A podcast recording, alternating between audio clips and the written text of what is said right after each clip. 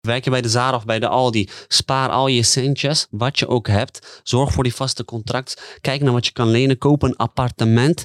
Ja, woon in één kamer, solo. Als je jong bent, als je 18, 19, 20 bent. Woon gewoon klein in één kleine kutkamer. En verhuur drie kamers. 500 pp per kamer. 1500 euro. Je huis wordt gratis op, afbetaald. Je houdt nog uh, hele grote cashflow over. En dat is jouw eerste stap naar welvaart. Welkom bij aflevering 135 van de Lotgenoten Podcast. De nummer 1 podcast voor ondernemers. Mijn naam is Jaro. Naast mij zit Koen. En zoals jullie kunnen zien hebben we vandaag weer een gast tegenover ons zitten. Aniel, welkom. Leuk dat je erbij kan zijn. Dankjewel voor de uitnodiging, jongens. Uiteraard, man. Uiteraard. Altijd welkom. Aniel, kort over uh, wie jij bent en wat je doet. Je doet een hoop dingen, maar voornamelijk ben je veel bezig met vastgoed. Um, het tofste aan jou vind ik dat jij uh, werkte bij de Aldi. Dus jij was supermarktmedewerker. En uh, toen had je al ongeveer 3 miljoen aan vastgoed in beheer.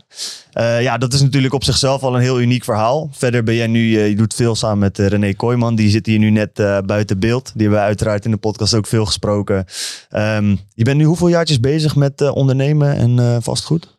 Um, ik ben nu 28. Ik uh, had op mijn 21ste mijn eerste beleggingspand gekocht. Dus um, ja, daarvoor was ik ook bezig met persoonlijke ontwikkeling veel. Ik begon echt geld te gaan bestuderen. En ja, toen mentors gevonden en in de vastgoed gerold. Mijn okay, 21ste. Sterk, dus nu zeven jaartjes diep aan het ja. knallen echt in het vastgoed. Sterk man. Ja. Hey Aniel, Voordat we heel diep eh, gaan in wat je nu allemaal doet. Uh, jij hebt een prachtig verhaal. Um, jij bent van ver gekomen. Zou je ons gewoon mee kunnen nemen? Je gaf het net al aan. Zeven jaar geleden heb je je eerste vastgoedpand gekocht. Daarvoor, en daar tijdens werkte je bij de Aldi. Hoe komt het dat iemand bij de Aldi uh, in het vastgoed komt? Hoe doe je dat? Kan je ons gewoon meenemen in je verhaal? Ja, dat is een. Zal ik het kort vertellen? Of, uh... Nee, man, lang. Nee, man. Gedetailleerd. Voor iedereen die nu bij een supermarkt zeg maar, zit en daar werkt. Ja. Ze denken van oké, hoe ontsnap ik deze fucking matrix? Ja, ja, ja. Um, ja, het is altijd lastig om, uh, om die start te maken. Maar ja, even kijken. Ik begon eigenlijk door mijn ouders, man. Zij hadden een buurtwinkel in Den Haag. Um, samen met mijn vader. Dus uh, mijn moeder werkte achter de kassa, mijn vader bij de slager. Um, was gewoon een kleine winkeltje, weet je. Um, het draaide niet supergoed, ook niet slecht. Uiteindelijk werden zij ouder en ouder. Begonnen ze pas toen na te denken van oké, we willen eigenlijk nu stoppen met werken. Maar dat kan niet, want ze hadden niet geïnvesteerd, snap je? En als ondernemer weten jullie ook van hey, als je wilt stoppen met werken, dan moet je hebben geïnvesteerd, want je bouwt geen pensioen op. Dus uh, ja, echt die old school mentaliteit. Um, ja, ik vertel het nu wel heel snel, maar er waren echt diepe tegenslagen toen, hele hoge stressmomenten. Dat waren echt die tijden dat ik bezig was met geldzaken bestuderen, YouTube, veel YouTube-video's bekijken. En uh, ik had een boek aangeraden gekregen, Rijke paar, arme paar, heel, heel die cliché-verhaal, weet je, wat iedereen nu leest. Maar ja, dat inspireerde me eigenlijk van, tenminste dat opende mijn ogen van, oké, zo doen die rijkers dus.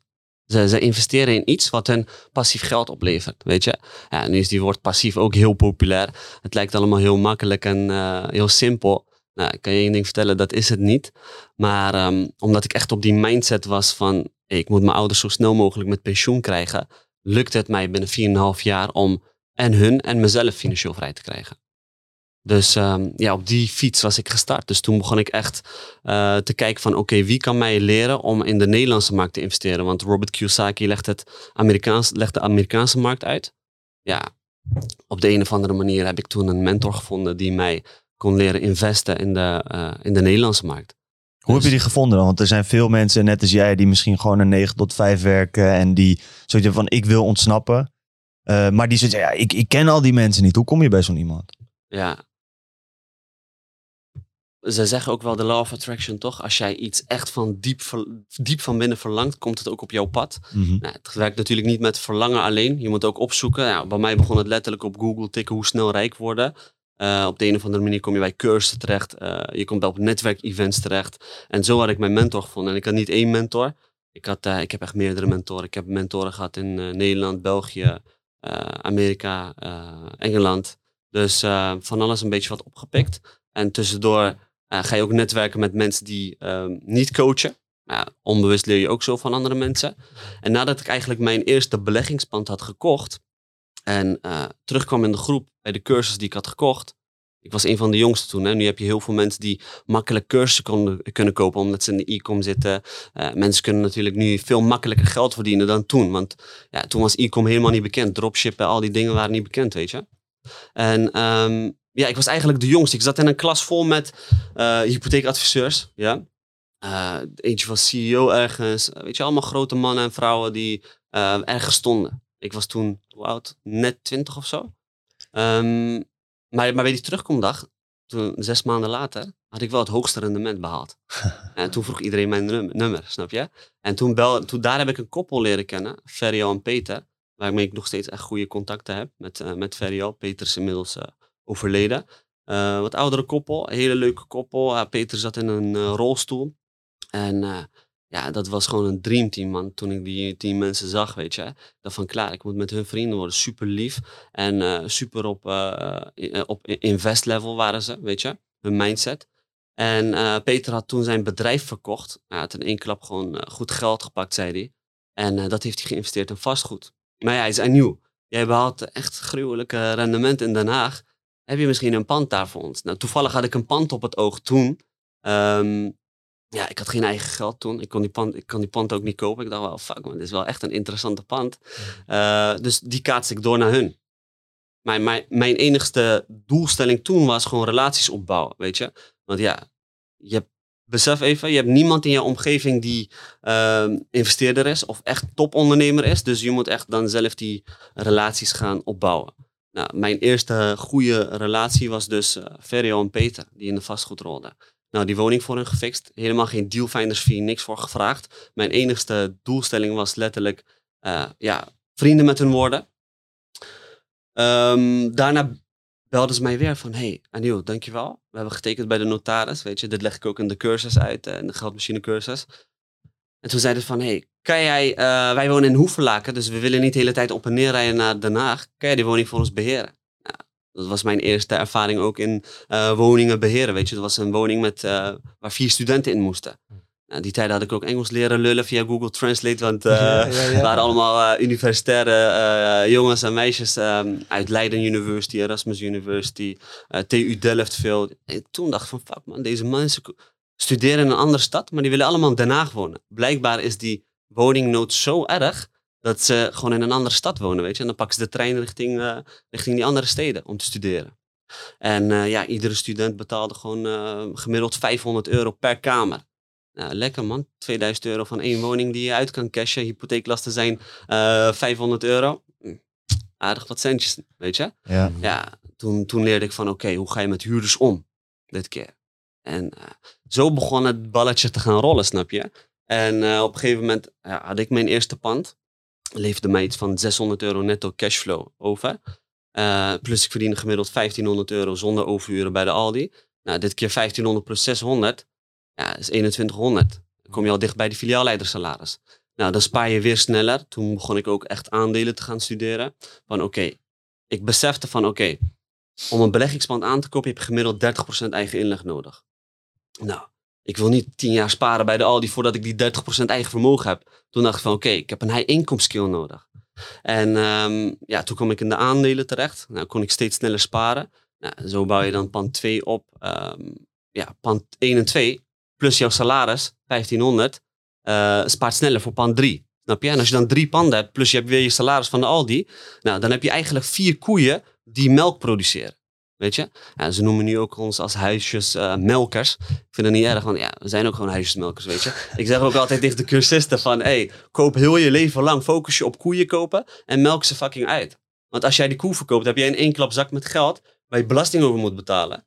Maar over huurinkomsten betaal je 0,0 belasting over. Snap je? Mm Dus ik leerde ook van, oké, zo op deze manier betalen die rijkers dus geen belasting. Want je kan of 100.000 euro als CEO bij de Aldi verdienen, of je kan 100.000 euro als huurinkomsten verdienen. Maar diegene uh die huurinkomsten krijgt, betaalt geen belasting daarover. Je betaalt een box 3 alleen belasting op je eigen vermogen. En op je eigen, vermogen, eigen vermogen is ook minimaal, omdat, uh, omdat ze overal hypotheek op uh, hebben. Weet je, als jij nu een vastgoedbelegger spreekt die 100 panden heeft, heeft hij waarschijnlijk 100 hypotheken erop. Dat is niet eigen geld. Waarom? Als hij alles met eigen geld zou doen, zou hij meer belasting betalen, snap je? Dus ja, Ja, ik dacht van klaar man, het is nu game over. Ik heb, eh, ik heb het nu onder de knie en nu is het alleen maar een game van opschalen. Hoe ga ik dat doen? Ja, ik had toen ook het geluk dat, ehm, dat in mijn tijd die woningen wat eh, lager waren qua prijs dan nu, weet je. En ik had toen eh, echt dik onderhandeld. al die panden stonden toen te koop voor, voor rond de 100.000 euro in Den Haag. In echt die hotspotjes van Den Haag. Ja, toen had ik een woning. Mijn eerste beleggingsplan was 75.000 euro, besef. Ja? Nee, Ja. joh. Hoeveel Totaal. vierkante meter was dat? Dat was eh 72 vierkante meter. God damn. En waar, wat, dat was ook in Den Haag. Ja. En hoe kwam jij aan dat geld?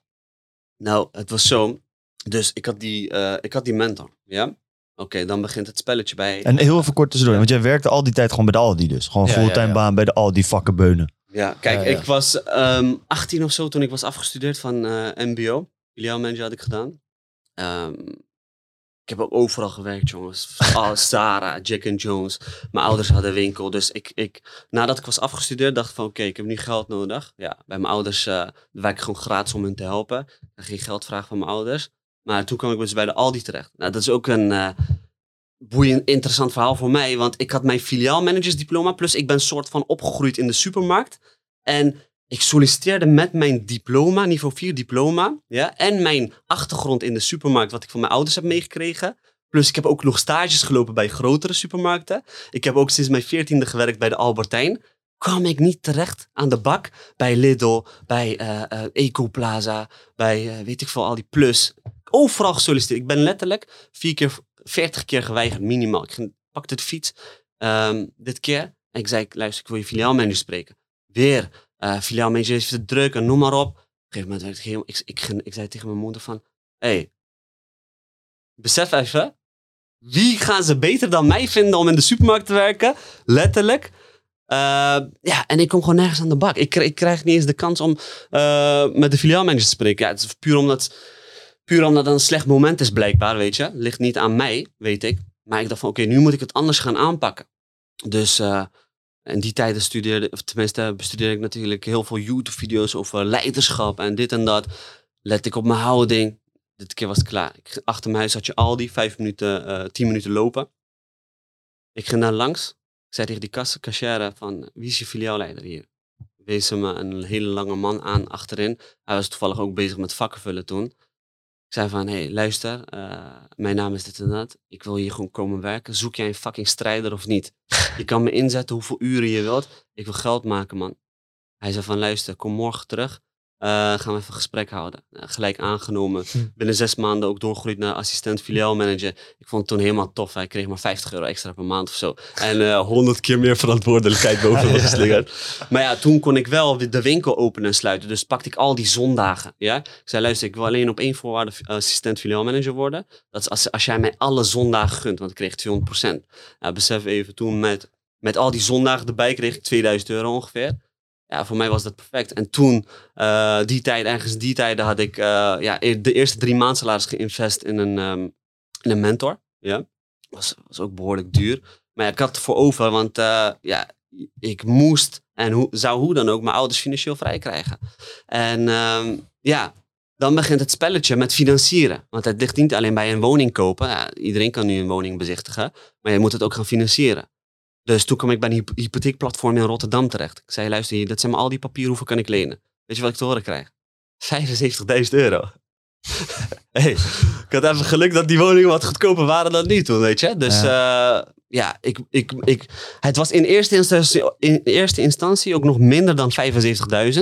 Maar toen ging ik weer terug, sprak ik mijn, uh, uh, mijn baas. Ja. Ik zei van luister, zet al die overuren ook in mijn werkgeversverklaring. Want ik moet even die uh, papieren gaan upgraden, weet je.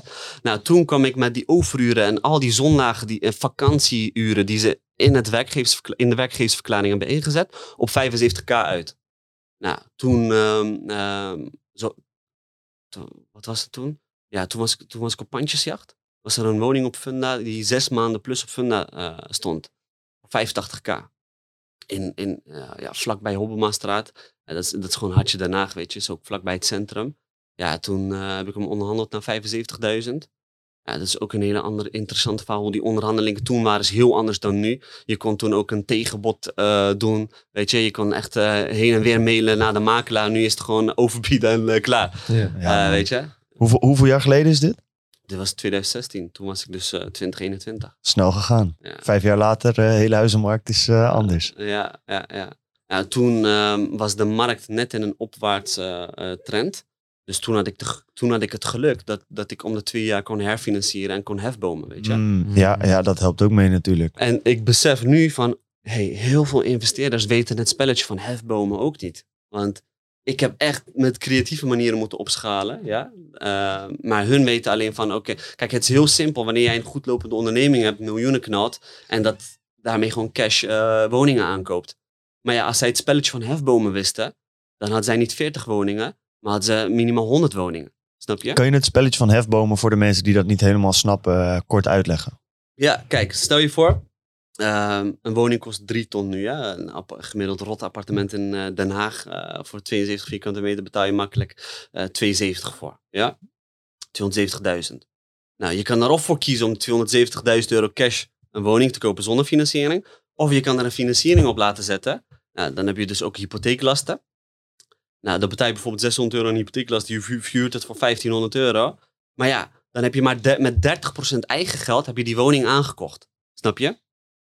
Nou, dat betekent dat jij nog uh, superveel geld overhoudt. En daarmee kan je dus een woning 2, woning 3, et cetera aankopen. Snap je? Dus voor die 200, je moet leren van hoe, hoeveel kan ik maximaal kopen voor 270.000 als je 270.000 hebt. Want het is makkelijk om cash één woning te kopen. Maar ja, dan, dan heb je geen geld meer. En dat, die één woning levert jou tussen de uh, 1000 en 1500 euro aan huur. Ja, Ga dan maar weer 270.000 euro weer zien te sparen om uh, op te schalen, snap je? Juist. En het ding is ook toch dat, ja, dat is echt een soort van de, de, de samenkomst. Dus je koopt er één zonder financiering, daar komt bijvoorbeeld 1500 euro uit. Die 1500 euro is voor jou.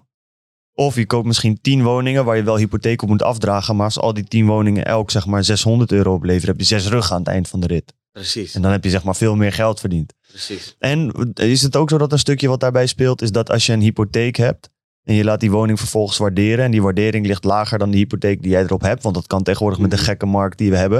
Heb je eigenlijk een negatief eigen vermogen. Waardoor je ook niet op eigen vermogen belasting gaat betalen. Klopt, dat is het. Uh, dat, dat, is heel, dat is heel de spel. Want de Belastingdienst die uh, rekent hele andere waarden uit. Die kijkt naar de WOZ-waarde. En de WOZ-waarde is eigenlijk lager dan de hypotheek die jij uh, afneemt, snap je? Want ja. stel je voor een woning kost 3 ton. Nou, dan is de WOZ-waarde altijd uh, 10.000 euro's lager dan de werkelijke waarde.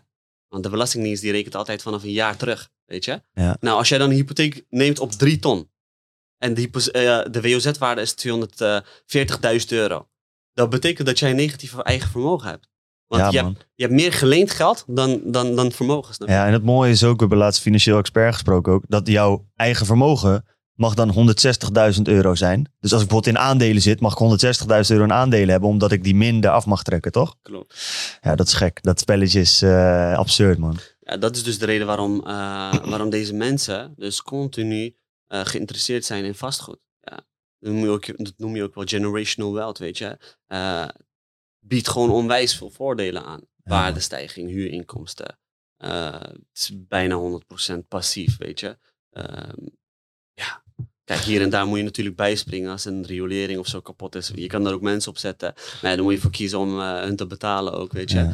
Uh, nou ja, je weet het, gisteren was er een ri uh, de, rioolleiding ja, kapot. Moest ik gelijk even bijspringen met de klusser, ja. weet je. Ja, in al die jaren heb je dan een klusser, heb je tenminste een netwerk opgebouwd. Had ik echt geluk dat deze man wilde langskomen. Hij is een van de beste die ik ken in Den Haag. Waarvan ik ook weet van, deze gast kan het gewoon snel oplossen, weet je. Dus heel die laminaat snijden en uh, in de kruipruimte terecht, weet je. Dus ik ben hem ook echt dankbaar voor, weet je. Maar ja, die relaties heb ik wel opgebouwd. En waarom kwam hij wel gisteren langs om mijn klus op te knappen? Dat is omdat ik hem ken in die crisistijden. Ik weet dat ik was een van zijn eerste uh, gasten die echt uh, werk voor hem had toen die tijden, weet je. Ik raad hem bij iedereen aan. Ik zei, jullie moeten hem hebben, weet je. Als er iets is met, uh, met, met, qua loodgieterswerk of zo, moet je hem hebben. Dus hij is mij ook weer dankbaar, snap je? En dat is het spelletje van geven en nemen. Leer eerst te geven en dan te krijgen. Op een gegeven moment, heb, je hebt, iedereen heeft elkaar nodig. Ja, man. Snap je? Hey, ik, uh, want we gaan daar nu best wel snel voorbij, maar ik wil daar toch meer van weten. Jij werkt bij de Aldi. En uh, jij denkt op een gegeven moment, ik wil een vastgoedpand kopen. Hoeveel geld had je dan nodig? Je zegt 30% op ongeveer 75.000 euro. Dus uh, 25.000 euro ongeveer. Iets minder. Nee, want toen kwam ik er ook achter, toen ik bezig was met die financieringsspelletje, van oké, die banken willen minimaal, uh, hoeveel was het? Minimaal um, uh, 100.000 euro of zo financieren toen destijds. Ja? ja? als jij een woning lager dan 100 is, is het ook niet interessant voor hun om een hypotheek te verstrekken. Nou, ik, kon, uh, ik had sowieso niet meer dan 6000 eigen vermogen, ja, als, als spaargeld. En dat geld had ik nodig als advieskosten, notaris, taxatie, et cetera. Hmm. Dus wat gebeurde?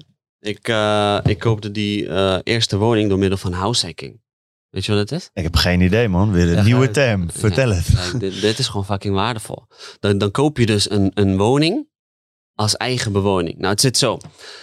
Um, als jij een woning koopt en je wilt er zelf in wonen, en jouw inkomsten kunnen, dat, kunnen de lasten dragen, krijg je gewoon 100% financiering, toch? Exact, ja. Ja, want je gaat er zelf in wonen. Precies. Maar wanneer jij naar de bank toe gaat en je zegt, meneer de bank, ik wil dit verhuren, dan zegt ze van, luister, Jaro, er zit daar een uh, risico aan, stel dat de huurder niet betaalt, et cetera. Dus zeggen ze van, hé, hey, leg 30% gemiddeld zelf ook eigen geld in. Snap je? Ja. Nou, tegenwoordig bij een appartement van 3 ton is dat al bijna 90k aan eigen geld. Juist. Maar uh, ik deed het dus door middel van househacking. Ik zei van, hé, hey, ik wil een woning kopen als eigen bewoning. Maar dan mag je alsnog een gedeelte van die woning verhuren. Oké. Okay. Mhm. Snap je? Dus stel je voor, je hebt een appartement met vier kamers. Eén kamer woon je zelf en drie kamers verhuur je. Mm. Nee, per kamer 500 euro. Dat is 1500 euro aan uh, tjitjing. Juist. Ja. ja, hypotheeklasten waren toen 240 euro. Voor die 75.000 euro hypotheek. En je had eigen osso. En je had een eigen osso. Ook nog. 240 euro hypotheeklasten. Uh, 40 euro VVE die tijden. Uh, 10, 20 euro voor verzekeringen. Laten we zeggen dat je maandlasten 300 euro zijn. Je cash 1500 euro uit. Ja. Maar dan wil je wel even samenwonen voor een paar jaartjes om even Ja, daarna op te schalen. Snap je? Kan dat nu nog steeds? Tuurlijk. Ja? ja. tuurlijk. Dat is dus een hele goede instapmogelijkheid. Dat was voor mij goud. Ja, Anders man. had ik hem niet kunnen kopen. En ik heb zelfs nu nog veel matties die daarmee... eh, ik bedoel, ik begin nu op een leeftijd te komen, weet je, 25. Iedereen is Oh. klaar met studeren. Als je nog geen relatie hebt, in je eentje ga je geen osso kunnen huren. Dat is fucking duur. Snap je? Je verdient misschien twee ruggen netto. Maar huur is 1500. Ja, kan je niet alleen doen. Dus ik kan je nu al zeggen, dat kan best wel interessant zijn bijvoorbeeld voor mij. Ja Want man, ik snap je. solo. Waarom niet? Ik ken nog steeds grote... Sorry ik dat heb ik onderbreek, hè? Ja, ik heb gisteren met jou een conversatie gehad. Ja. Hoeveel ik betaal voor mijn Ja. huurhuis. Dat Dat is normaal. insane. Ja. Niet normaal. Maar ik ken nog steeds gewoon redelijk professionele vastgoedbeleggers. Die kopen dan, hij heeft gewoon vrouwtje, kinderen, alles. Koopt een eengezinswoning. En eh, boven maakt hij twee studio's househacking. Ja man. Gek. twee studio's, per studio 1000 euro's, 2000 euro. Nou, zijn hypotheeklasten voor een eengez- dikke, dikke eengezinswoning in Haarlem is 400, 1400 euro of zo. Eh, ja, houdt hij nog eind van de rit nog 600 euro over. Mhm. Snap je? Dat Ja, is gewoon slim spelen. Hij kan er ook voor kiezen om eh, drie verdiepingen voor zichzelf te houden. Maar ja, dan dokt hij alles. Maar ja, hij zegt van, hé, hey, twee verdiepingen is voor mij genoeg. Begane grond plus daarboven. Bovenste maak ik twee studio's van. Duizend, duizend. Ja, perfect. Snap je? Je Ja. zei net wel, van nou, ik had ongeveer 6000 euro nodig voor taxatie, voor de Ja. notaris, et cetera. Is dat in, nu, in deze tijd, nog steeds die 6000 euro? Is dat meer geworden? Bijvoorbeeld, hè, ik heb interesse. Ja, Je hebt mijn vlammetje aangewakkerd. ja. Mooi. Maar wat zijn voor mij dan de stappen? Want wat jouw situatie was, dat was zes, zeven jaar geleden. Mijn situatie is nu van, nou, eh, volgens mij is alles gewoon tering duur. Zeg maar, dat is zeg maar mijn belief, dat is mijn geloof. Wat zijn dan de eerste stappen die ik hierin kan nemen? Kijk, allereerst, ehm, om, om een woning aan te kopen, heb je gewoon inkomsten nodig. Want stel je voor, hè, heel veel mensen verwarren zich ook met wat de bank eigenlijk is. Ze denken van, hé, de bank is een hulpinstelling. De bank is een fucking financiële instelling, klaar. Die denkt aan zijn geld. Net zoals jij aan je geld denkt, denken hun ook aan. is gewoon heel logisch. Ze kijken van, hé, kan deze persoon die van mij geld wilt lenen, die hypotheeklasten dragen, ja of nee? Hm. Dus als jij gewoon stabiele inkomsten hebt, ja, gedurende een bepaalde periode, en je kan dat aantonen, ehm, ja, dan willen ze jou best wel lenen. En dan hebben zij eigen, eigen formuletjes natuurlijk. Nou, eh, volgens hun formule kon ik destijds 75.000 lenen. Nou, als jij dan, eh, stel je voor, jij verdient 3.000, 4.000 euro. Nou, dan kan je wat meer lenen dan 75.000 natuurlijk. En aan de hand van je, eh, het budget dat zij jou geven, ja, de financiering die zij jou willen lenen, ga je op zoek naar woningen. Nou, als dat is 3 ton, ga jij niet naar 5 ton woningen zoeken. Simpel. Nou, dan koop je een woning van 3 ton, klaar. Nou, je hoeft ook geen overdrachtsbelasting te betalen omdat je onder de 35 bent. Ja? Beleggers moeten dadelijk 10% overdrachtsbelasting betalen. Maar voor je eerste woning is dat niet zo. Dus jij bespaart en op overdrachtsbelasting. Het enige wat je hebt is notariskosten, advieskosten, eh, taxatiekosten, et cetera. Ja, dat is ongeveer 6, 7k nog steeds. Ja, want notaris kost tussen 1000 en 1500 euro. Eh, taxatie is 400 euro. Eh, ja, zo reken je dat uit. Snap je? En dan kijk je van, oké, met welke, welke woning is op de beste locatie? Kan ik househacking doen? Ja, hoeveel personen mag ik inschrijven in die woning? Dus je moet wel echt goed je vooronderzoek doen. Kijk, in Den Haag was het zo dat je drie mensen mocht inschrijven in een woning. Erbij nog. Ja, nu hebben ze dat gedownscaled naar twee personen. is in Utrecht ook. En dat verschilt per regio, snap je? Ja. Ja, man. Dus door ga je kijken en dan kijk je van, hey, kan ik drie ton lenen? Eh, ja, dan ga je op eh, woningjacht. Dan vind je een woning van drie ton en dan kijk je van, oké, hoe kan ik hier househacking doen? Heb ik genoeg ruimte voor mezelf? Kan ik het, eh, weet ik veel, kan ik een muur tussen bouwen zodat ik het kan eh, scheiden met de huurder, weet je? En dan ga je een goede huurder zoeken. Je gaat natuurlijk, en dan wordt het weer een sollicitatiegespreksspelletje. Van, je gaat niet de eerste beste in je woning zetten met wie je samen, soort van samen wilt wonen. Dus je Nou, gaat het echt leren. Je gaat het spelletje leren omdat je er zelf ook in zit. Precies, ik plaatste een kamer op Kamernet. Ik kreeg 200 reacties. ja, man. Dat is een één kamer, niet hoofdpijn. normaal. En allemaal vanuit een andere regio, niet eens uit Den Haag. hè. Dus ja, dan ga je de twi- 20 beste selecteren uit die eh, mensen die reageren. Nou, die nodig je dan uit. En dan ga je kijken van, oké, bij wie heb ik een goede eh, onderbuikgevoel? En wie heeft goede eh, inkomsten? Wie lijkt mij serieus? Wie is een beetje nerdy, met wie ik geen gezeik kan krijgen, weet je? Hey, Wie gaat geen wietplant in mijn huis zetten Precies. en shit. En Steady. zo bouw je dus die ervaring. Ik heb Ja. eigenlijk bijna nooit problemen gehad met huurders, omdat ik op, ja, op zo'n manier ging selecteren. En daarna Mm. zit je daar dus, dan heb je eerst vastgoedpand. En die krijgt op een gegeven moment overwaarde. Dat kun je eruit trekken en dan kan je gas gaan geven, zeg maar. Precies. Ik, kijk, ik ben nooit een overwaardebelegger geweest. Ik zie tegenwoordig ook heel veel reclamespots met neem je overwaarde op, de, et cetera. Maar eh, dat kan alleen in een opwaartse markt.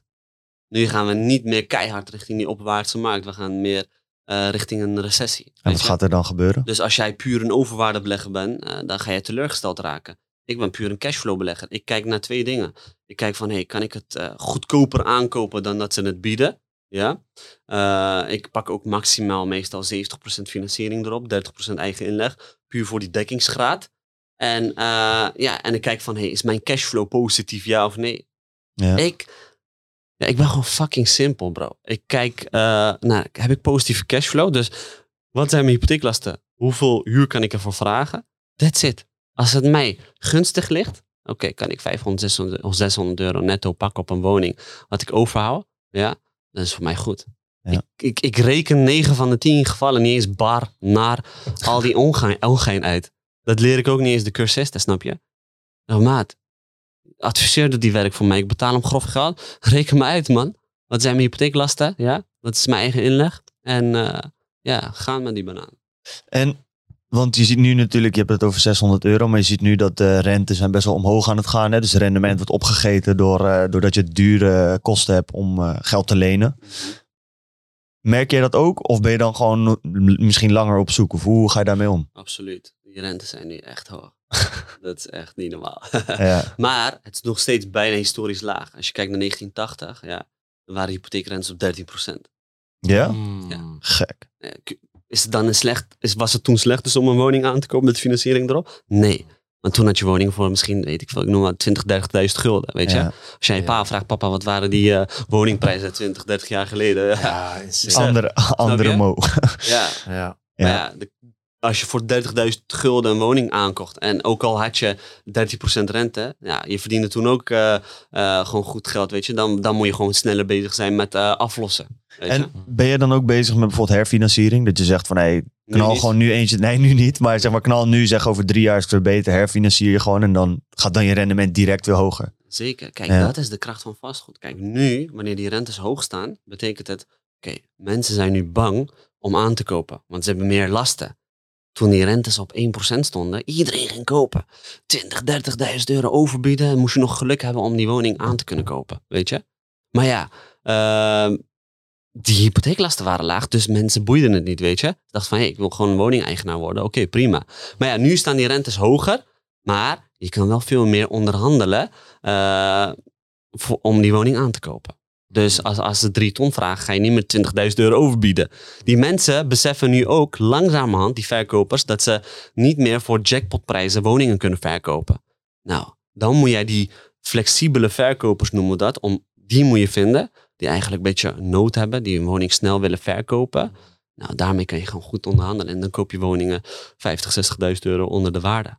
Ja, ik hoorde ook wel eens gekke dingen over mensen die dan bijvoorbeeld in de krant overlijdensberichten in de gaten houden en zo. Omdat je weet als iemand overleden is, of ga ik die familie snel die is verkopen. heel, eh, eh, sorry dat ik het zeg, maar de een zijn dood is de ander zijn Brood. Nou, Ik heb hier een perfect voorbeeld van. Eh, in mijn verre familie is ook was eh, in Venray. eh, was een familielid had het huis overgenomen van zijn ouders. Ja, en ze hadden eh, nog verder allemaal zusjes. Nou, een van die zusjes is eh, mijn oma. Maar ehm, een van die zonen die woonde dus in dat huis. Is zelf ook overleden, maar die heeft echt twintig jaar niks aan het huis gedaan. En stond er nog vol met allemaal herinneringen van de opa en oma, et cetera. Toen op een gegeven moment was het huis inderdaad eh, leeg en niemand ging erin. Toen zeiden ze ook maar van, nou oké, laten we maar gewoon gaan verkopen.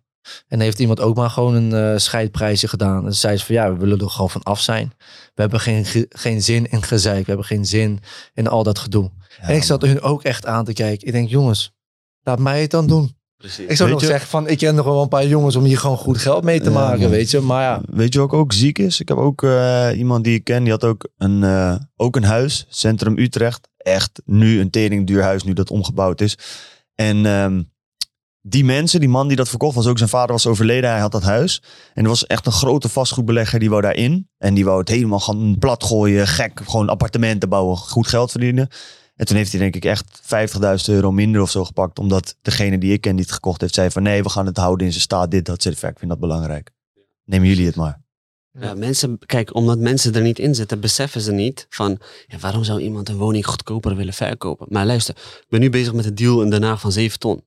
Nou, die eigenaar eh, heeft die woning gesplitst. Maar ja, het, het bleek dat het eh, te veel aan verbouwingskosten eh, dat hij nodig had, weet je. Dus hij heeft die woning soort van half verbouwd. En hij heeft eh, dus ook nu een andere woning waar hij in woont. Hij heeft dubbele maandlasten. Hij wil die woning zo snel mogelijk kwijt. Ik ga geen jackpotprijs voor zo'n woning betalen, snap je? Want ik moet ook winst maken. En hij heeft snel geld nodig. Zo heb ik dus ook mijn tweede woning heel goedkoop aangekocht. Eh, dat was ook gewoon een appartement in Hartje Den Haag. Nou, die wo- eh, woningeigenaren waren vriendinnen van, was een vriendin van mijn tante. Mijn tante belt me op met eh eh, Aniel, eh, ik heb een vriendin die haar woning wil verkopen. Kan je even kijken? Gelijk afspraak gemaakt. Even koffie bij hun gedronken. Nou bleek dat zij al een koopovereenkomst hebben getekend voor een mooiere, grotere eengezinswoning, weet je. Want ze hebben meer kinderen, ze willen eruit, weet je.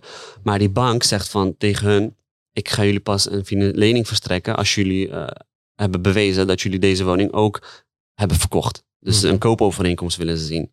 Dus ze hebben snel geld nodig, want je hebt ook een financieringstermijn waar je aan moet voldoen. Anders eh, moet je boete betalen, Ja, 10%. moet je nog vies lappen ook. Ja, gewoon ja, 10% ja, ja. op eh 3, 4 ton. Dat is gewoon veel Niet eens voor onderhandeld. 127,5 of zo was het. Ja. Ja. Twee jaar later is die 100k meer waard. Weet je? ik heb vier studenten erin gezet. Ik kasseer 2100 euro. Gruwelijk. Hypotheeklasse 600, snap je? Nou, dan verdien je als vakkenvuller op een gegeven moment meer dan een districtleider. Ja. Begrijp je? ja, man. Nou, dus ik had al eh, heel jong een hele andere kijk op geld, op geld maken, geld verdienen. Want toen ik echt zag van, hé, mijn ouders gingen echt struggelen voor geld. dacht ik van, hé, maar dit moet wat anders. Hoe doen andere mensen het? Weet je, want wij krijgen continu te horen van, niet beleggen in aandelen, want eh, Pietje heeft eh 30.000 euro verloren. Geen eigen supermarkt starten, want personeel hebben is het grootste hoofdpijn dat je kan hebben. Ik denk, maar van, hoe doet Albertijn het dan? Hoe doet Aldi het dan, weet je? Mhm. Dat, als Maar- je ja? Waar, waar, want waar komt dat vandaan? Want zeg maar, je zegt het nu heel makkelijk van ja, ik was altijd al op eh, geld verdienen. Kijk, mensen die dit luisteren en überhaupt in Nederland zijn heel veel mensen die in de supermarkt werken. Die kijken op TikTok, die zien Andrew Tate, die zien rijke mensen. Die denken, ah, ik wil ook doekoe maken, maar ik ga dat ook doen. Maar ja, ze zijn één maand aan het sparen. Ze zien 1500 euro op de spaarrekening. Dus ze denken, oh, dit. ik heb een hele maand gewerkt voor 1500 euro. Ik moet misschien 30k hebben. Hoe lang gaat dit duren? En na twee, drie maanden zijn ze misschien op vakantie in Mallorca toch een flesje halen. Want ja, je hebt wel veel geld op de rekening. Wat anders, PlayStation 5 halen. Ja, uiteindelijk die droom wordt minder. Ze geven het geld toch uit. Jij was vanaf moment één al, ondanks dat je eigenlijk niks had, had je die zekerheid van ik ga al dat geld sparen en doorpushen. Hoe komt dat? Goeie vraag, man. Ik denk dat het ook wel een eh, beetje in je moet liggen, weet je. Kijk, je hebt mensen die eh, het grotendeels in zich hebben. Ja, die leiderschap. Eh, en sommige mensen moeten dat gewoon keihard kweken. Mhm. Net als voetballers, weet je. Je hebt een Messi, ja, je ziet gewoon die man is een fucking geboren talent. En je hebt een, eh, ja, Ronaldo is in mijn ogen ook super talentvol. Maar ja, bij hem lijkt het meer alsof hij meer ervoor moet trainen, weet je. En eh, ja, het zijn gewoon skills die je moet opbouwen, man. En ik, ik zeg niet dat iedereen het kan. Maar eh, bij mij ging het wat sneller dan de ander, omdat ik gewoon een eh, hele sterke waarom had. Weet je. Ik was gewoon geïnteresseerd in geld, maar ik had nooit zo van, ik wilde vastgoed in. Hoe gaat het dan bij de mensen waar je mee werkt? Want je werkt, je helpt ook mensen om dit toe te passen en zo. En jij zegt, ja, jij bent wel een uniek verhaal. Weet je, 4,5 jaar lang van, of in 4,5 jaar van je 21ste naar financieel vrij is tering snel, zeg maar. Mensen zijn bezig met eh, voor hun 40ste dat doen. Hoe zie je dat dat met de mensen die je helpt dan gaat? Zie je ook dat mensen zo fucking snel gaan of hoe gaat dat? Nee. ik ben gewoon bloed eerlijk. Kijk, eh, de, de mensen die het meeste eh, pijn hebben om, om wat te bereiken, die bereiken meestal het snelste wat ze willen bereiken. That's it. De Kijk, ik zeg altijd, comfort is de grootste moordenaar. Als jij, eh, als jij jezelf in een hele comfortabele situatie bevindt, dus je moeder maakt de bed op, elke avond staat het avondeten klaar, je hebt geen zorgen, je hebt geen huur die je moet betalen. Waarom zou je succesvol worden? Ook al volg jij een cursus, je hebt geen sterke waarom. Snap je? Ik kwam van school. ehm, eh, soms was ik zo moe, omdat ik laat ging slapen. Dacht ervoor, dacht ik van, even snel een half uurtje dutje doen, man. Ik doe mijn ogen dicht. Ik denk van, wie ben jij dat jij een ochtenddutje doet? Terwijl jouw moeder loopt te werken. Ik had een hekel opeens aan mezelf na, na vijf minuten mijn ogen dicht doen. En terwijl ik zo'n zieke slaap had, ja, toen rende ik gewoon naar de winkel en zei van mama, ga naar huis. Ik draai de zaak. Snap je? Ja. Nooit één cent gevraagd van ze. Maar hebben jullie... Je hebt ook een, eh, als je het nu ook over je moeder hebt, Mhm. ook iets wat er is gebeurd in de supermarkt zelf. Zij het voor de podcast ook nog. Iets, eh, ja. ja, man. Veel, veel dingen meegemaakt. hoor. toch? Weet je wat Wil je daar is? wat over delen? In een supermarkt leer je echt mensen kennen, man. Je leert bijvoorbeeld eh, vrienden, familie die jou gunt om even eh zonnepitten of een appeltje te halen. Of even een kilo kipfilet te halen, weet je. Meestal zijn het mensen die je niet kent die je harder gunnen dan de mensen die je wel kent. Denk van, fuck, ik heb deze bloedhond zwaar vertrouwd, maar eh, die komt niet eens even een kilo appels bij mij halen, snap je? Je gaat liever naar de concurrent, ook al betaalt hij daar eh, 50 cent per kilo meer. Je krijgt gewoon een hele andere kijk, weet je. Je wordt echt, eh, ik, hoe zou ik het zeggen, sneller volwassener in de supermarkt. Besef je? Want als jij een eigen zaak hebt, kijk, een vriend van mij heeft een carwash. Maar ook al is die honderd keer duurder, ik gun hem dat geld, snap je? Zo zet ik in elkaar. Eh, als ik tegels nodig heb, ga ik bij mijn neef die een eigen zaak heeft, snap je? Zo werkt dat. Maar heel veel mensen hebben niet, en dat zijn meestal de mensen die eh, het, dichtstbij steen- eh, het meest dichtstbij aan je zij hebt, die jou niet gunnen. Dus eh, ik werd al snel volwassen, man. Ik zeg je eerlijk. eh. en ja, als jij je ouders ziet struggelen, dan eh, kijk je ook op een hele andere manier tegenover geld. Je denkt van, hé, ik wil niet in dezelfde positie blijven struggelen tot mijn zestigste. Ik moet het anders gaan doen. En als jij dan gaat studeren van, oké, hoe doen mensen het goed en hoe doen mensen het slecht? Nou, dan kun je twee richtingen opgaan. Iedereen heeft de keuze in Nederland. Je kan of denken van, oké, ik kan ook denken na mijn mbo van, ja, ik word niet aangenomen en that's it. Of je gaat kijken van, oké, hoe word ik wel aangenomen? Nou, toen, werd ik, toen werkte ik aan leiderschap. Dus eh, je houding. Eh, hoe je praat met iemand, ja. Eh, hoe, hoe jij omgaat met ze. Hoe jij een handafdruk geeft. Alles telt, alle beetjes tellen. Maar, sorry, wat was jouw vraag? Je Mijn vraag was, er is op een gegeven moment iets gebeurd. Bij jullie in de winkel. ja, man. Wat was dat nou? Ehm, ik werkte bij de Aldi toen, ja. Ja. Daar ga ik het aan koppelen zo. Dus ik werkte bij de Aldi. Eh, toen was ik dus assistent filiaalmanager. Nou, je weet, bij Aldi heb je altijd weinig medewerkers. Je moet alles zelf doen. Ook al ben jij filiaalleider. Je moet fucking muizen vangen. Je moet schoonmaken. Je moet de kassa draaien. Je moet administratie doen. Je moet die vracht lossen. Ja. Eh, en daarna de winkel sluiten weggaan. Nou, sluitingstijd was acht uur of zo. Ik werd eh, ja, wat later in de middag gebeld. En ik was daar gewoon met één of twee medewerkers. Eh, door vrienden van de buurt. Ja? Die zeiden van, wat is dit man? Eh, politie heeft jullie eh, zaak omsingeld. Stuurt hij mij foto's van, de, van regio eh, 15, Den Haag. Met snipers die gewoon hun, de, de geweren in, in de richting van, van de zaak hebben. Maat, Ik schrok mij dood, man. Weet je, mijn moeder en mijn vader staan daar, weet je. Ze nemen ook niet op. Dat is het ergste. Denk, fuck man, er is iets gebeurd met mijn ouders. Nou, ik weet niet. Ik, had, ik reed toen een Toyota bouwjaar 99. Ik weet niet hoe snel ik naar de, naar de zaak ben gereden. File, vluchtstrook, alles gepakt. Hey, ik, ik rende naar de winkel, die special, uh, hoe heet dat, ME-team, alles met bivak, BMW X5, uh, met zulke guns. Uh, ze hebben gewoon heel de wijk omsingeld, hè. Ik ren, hij houdt me tegen, waar ga je heen? Ik zeg, mijn ouders zijn binnen. Wat is er gebeurd? Hij zegt, kom. En toen zag ik mijn ouders, er is niks aan de hand. Ja, dan kon ik weer even ademen, weet je. Maar bleek dat boven de zaak verhuurde, um, verhuurde een oud vrouwtje haar woning um, aan, aan een jonge persoon. En die jonge persoon uh, betaalde niet de huur of zo. Dus uh, um, ze, nee, wat het was, zij uh, hij gooide een AA-drink op haar. Omdat, omdat hij boos was op haar. Ja. Hoorde ik achteraf. Maar zij belde dus de politie daardoor. En nou, het bleek dat hij een strafblad had met een, weet ik veel, slecht verleden of zo. Ik heel die wijk afgezet voor zoiets. Ja. Hij heeft alleen drinken op haar gegooid, weet je? Ja. Hey, volgende, uh, volgende dag draaide ik de zaak. Ik zag die jongen toevallig, die gezocht werd. Ik zeg, bro, wat is er aan de hand, man? Ik zeg, je wordt, je wordt door heel Nederland gezocht, weet je? We hebben, besef je wel wat er gisteren is gebeurd? Hij zegt, ik zeg, waar was jij? Hij zegt, ja, ik stond gewoon achter die lijn aan het kijken. Ze weten niet eens wie ik was. Nee, joh. Ja, man. Ik denk, ja, fucking gangster, man. Oh, ja. ik zeg, en toen vroeg ik aan hem van, wat is er gebeurd? Hij zegt, niks, man. Ik, hij zegt, uh, zij, zij schold mij uit en ik gooide uh, drinken op haar. Daarna is er van alles gebeurd. Maar hij heeft niks gedaan, snap je?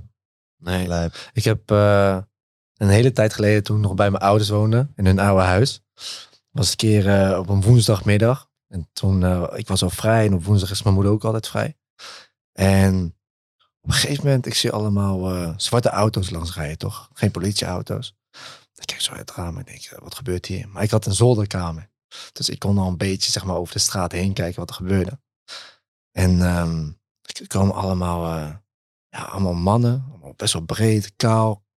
Ik denk, wat de fuck gebeurt hier toch? Gewoon rond 12 uur, 1 uur. Mm. Wij wonen zeg maar in de straat. Iedereen is 40, 50 jaar. Iedereen heeft kinderen. Iedereen is rustig. Om het 1, 2 uur is iedereen aan het werk. Mm -hmm. Dus ik dacht al, hier, hier, klopt iets niet. En ik mijn moeder roep. Ik zeg, mam, mam, kom, kom. We kijken zo allebei zo uit het raampje. En we zien echt letterlijk gewoon iets van tien mensen. Zo voor een deur staan bij een, bij een buurman. Ze komen op een gegeven moment met zo'n uh, ding waarmee ze zo'n deur inslaan, Mhm, mm -hmm. toch? -hmm. Ze slaan letterlijk die deur in. Doen ze letterlijk een overval, gewoon midden op de dag. Halen ze op een gegeven moment uh, mijn buurman zo gewoon uit het huis. Die Ja. werd toen meegenomen. Ja, Toen dacht ik ook wel van, hé, hey, ja. deze shit is wel gek. Man. Maar overval hij werd gearresteerd. Hij werd gearresteerd. Gearresteerd, Ja. arrestatieteam. Mijn tante heeft een keer gehad, bro. Arrestatieteam stond voor verkeerde deur. Mijn tante, liefste vrouw ooit. Mm, Rustig, heeft een kat thuis, gewoon tranquilo.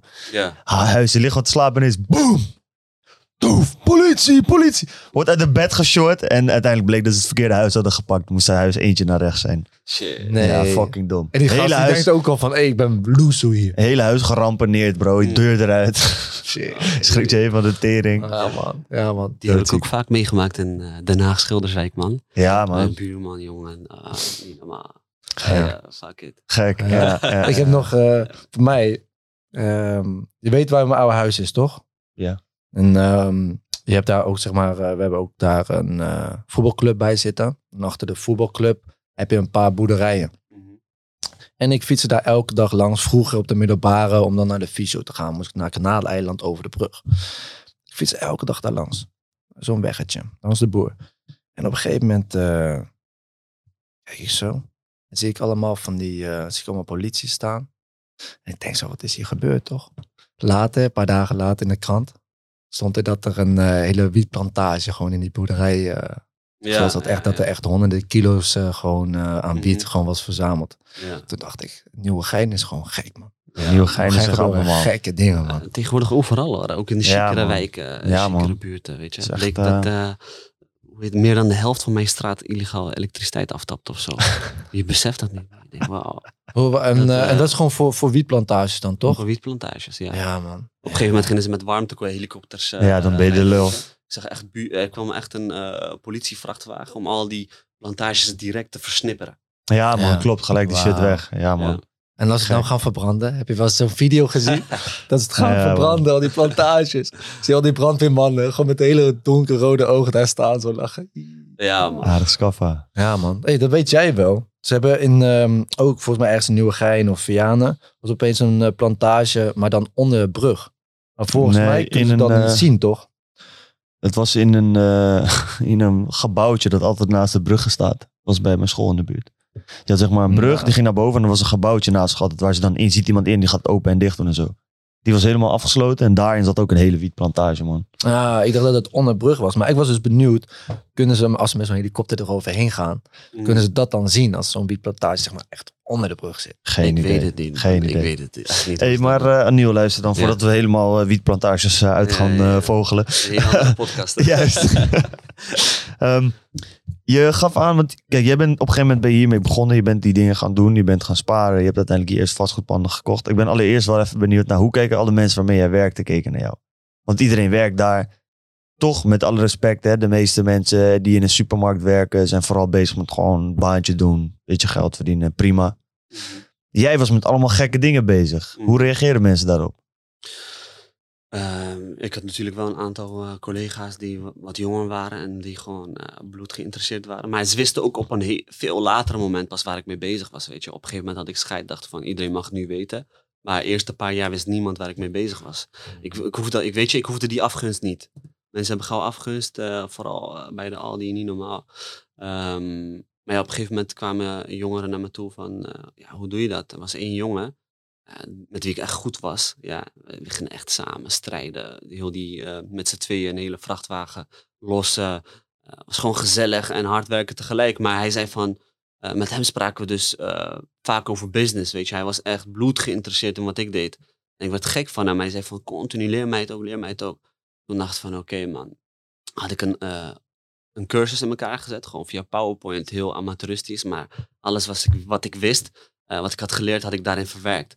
Zei van, luister, eh, dit is de prijs, weet je. Ik wil ook dat je er wat voor gaat betalen, want anders heeft het sowieso geen waarde.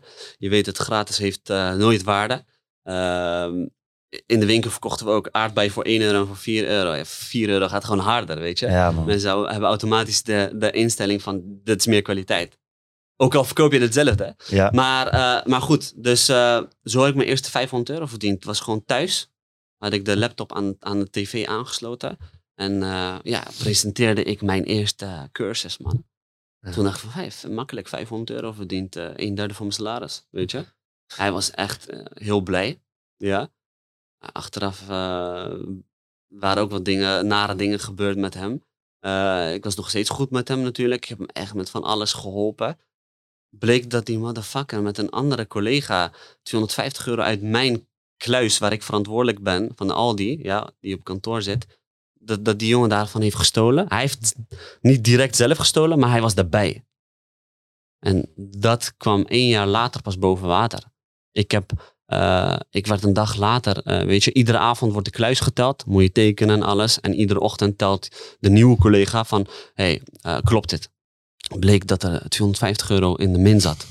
Dus Oh, precies, 250 euro. Als filiaalmanager, districtleider erbij, eh, bellen mij van nee, kom, kom gelijk naar de Aldi, want eh, dit klopt niet, weet je. En ik heb in al die jaren nooit verschil gehad, weet je. Iedereen kent mij, maat. Ik, eh, zo, aan zulke dingen doe ik niet. Maar ja, die filiaalleider, ik, had, ik gaf hem zoveel rugdekking, weet je. Die man was bijna nooit aan de bak in de Aldi. Hij zei altijd aan ik moet ergens heen komen werken. Chef, prima. Chef, prima. Chef, prima. Ik was alleen maar op geld verdienen. En ehm, ja, hij zag ook gewoon van eh, hoe ik was. Hij vertrouwde mij ook. Maar ja, als je ziet van... Jij wordt ook door de districtleider geroepen en, eh, om 250 euro te verantwoorden. Ja, ik zei van luister, ik ga nu die geld pinnen. Bam, hier, zet het in de kluis. Heb ik gelijk gedaan. Was een van mijn laatste centjes die. Hè. En ehm, ja, was gewoon een rot gevoel, man. Ze wisten ergens in hun achterhoofd van... Ja, Nieuw doet zoiets niet. Maar ja, toch gaf het ze wel een goed gevoel van... Oké, nu is die kluis weer compleet. Eén jaar later, weet je hoe dit boven water is gekomen? Sorry dat ik eh, motherfucker zeg, maar die motherfucker is stiekem gefilmd. Die tijd had je geen camera's bij de Aldi. Ja, oldschool tijd. Nu heeft elk filiaal bijna een, eh, veel camera's. Die, we hadden een medewerker met wie ik goed was. Ja, die, ja, die, die twijfelde over hem. Van, hey, klopt iets niet met deze jongen. Hij, hij, hij doet hier wat praktijken, weet je. Hij had superveel geld als een medewerker. eh, reed een fucking dikke BMW, luxe leven. Cash geld, niet normaal. Hij deed sowieso dingen, maar je weet niet wat. Ja? En eh, ja, zij was gewoon veel scherper dan mij. Ik was alleen maar bezig met werken, maar zij was meer bezig met wat doen andere mensen. Bleek dat zij stiekem de, de filiaal is binnengeglipt. Eh, zij of hij. En ehm, stiekem gingen ze via de kantoor, gingen ze via de kantoor filmen. Ja, wat die jongen deed. En luister, bij Aldi is het zo, als jij de filiaal gaat sluiten, na zes uur heb je maar twee medewerkers. Je hebt één assistent en één medewerker die bij de kassa is. Nou, de assistent, die gaat met de boenmachine aan de slag, et cetera. Je ziet hem niet. Je kan zo van alles stelen als cashier, die tijden, weet je? Dus ehm, ja, bleek dat die jongen zelfs met zijn, zijn ouders kwamen. Volle winkelwagens, wegwezen. Vrienden kwamen, volle winkelwagens, wegwezen. Oh, Eh, pallets, golden power, knoppers, wegwezen. Verkochten ze toen aan Poolse winkels, weet je. Nee, niet normaal. Ik heb voor het eerst gezien dat iemand met zijn ouders kon, eh, kon stelen, man. Hey, maar. Lijp. maar dat, dit merk je toch? In de voorraad. In Nee, bro, luister. Bij geld. supermarkt wordt alles gekanteld. Bij ons wordt ook alles gekanteld. Maar dan zeggen ze gewoon van, je, je, je controleert de vracht niet goed. Bij Aldi, Aldi is zo old school, fucking Duitse systeem, hè.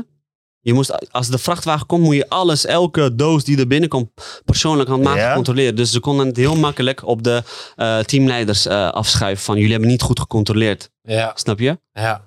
Dus dan kom je al, bij Lidl is het heel anders. Daar Dat hoef is je niet gewoon een beetje vingerwijzen van volgende keer moet je beter doen. Jij denkt, oké, het is mijn fout. Ja, en zelfs dan, Koen, ik weet ook nog wel, ik heb tijd lang eh, ook in de supermarkt gewerkt. Was, ging bijvoorbeeld een product ging je beschadigen. Visie. Bijvoorbeeld, eh, je wil koekjes hebben. Ja. Je pakt die verpakking te hard. Gat in verpakking. Zeg, ik leg hem bij eh, prullenbak. Je loopt richting prullenbak. Tas. Precies. Gone. Niemand die er nog om om gaat kijken. Ja, hij gaat gewoon per ongeluk kapot. Op die manier werd alles deo. Alles bij ons gekanteld. Hey, maar de jongens na één jaar gepakt. Ik heb niet eens één sorry gekregen. Motherfucker. En je had hem die cursus gegeven ook. Diegene die erbij stond. Ah, ja. zei van luister, waarom heb je niks gezegd? En tegen die andere jongen ook weet je van, als je hem met 250 euro vraagt, hier. Ja. Maar toch hebben blijkbaar mensen het eh, in zich om eh, zulke praktijken te verrichten. Maar ik snap die andere gozer helemaal niet dan. Want waarom staat hij bij iemand die 250 euro steelt? Dus hij is alsnog fire, maar hij krijgt geen geld. Maar hij doet voor niks. Dom. Fucking dom. Wat denk je, dat er hoogbegaafde mensen alleen maar daar werken of zo? Maar wij moesten 2.500 artikelen per uur scannen. Anders kregen we waarschuwingen die tijden. Nu is natuurlijk de vakbonden kwamen erbij, druk gezet op al die van waarom doe je niet dit, Eh, weet je. Maar ja, daarom zie je al die, vroeger zag je al die cashiers vliegen Ja.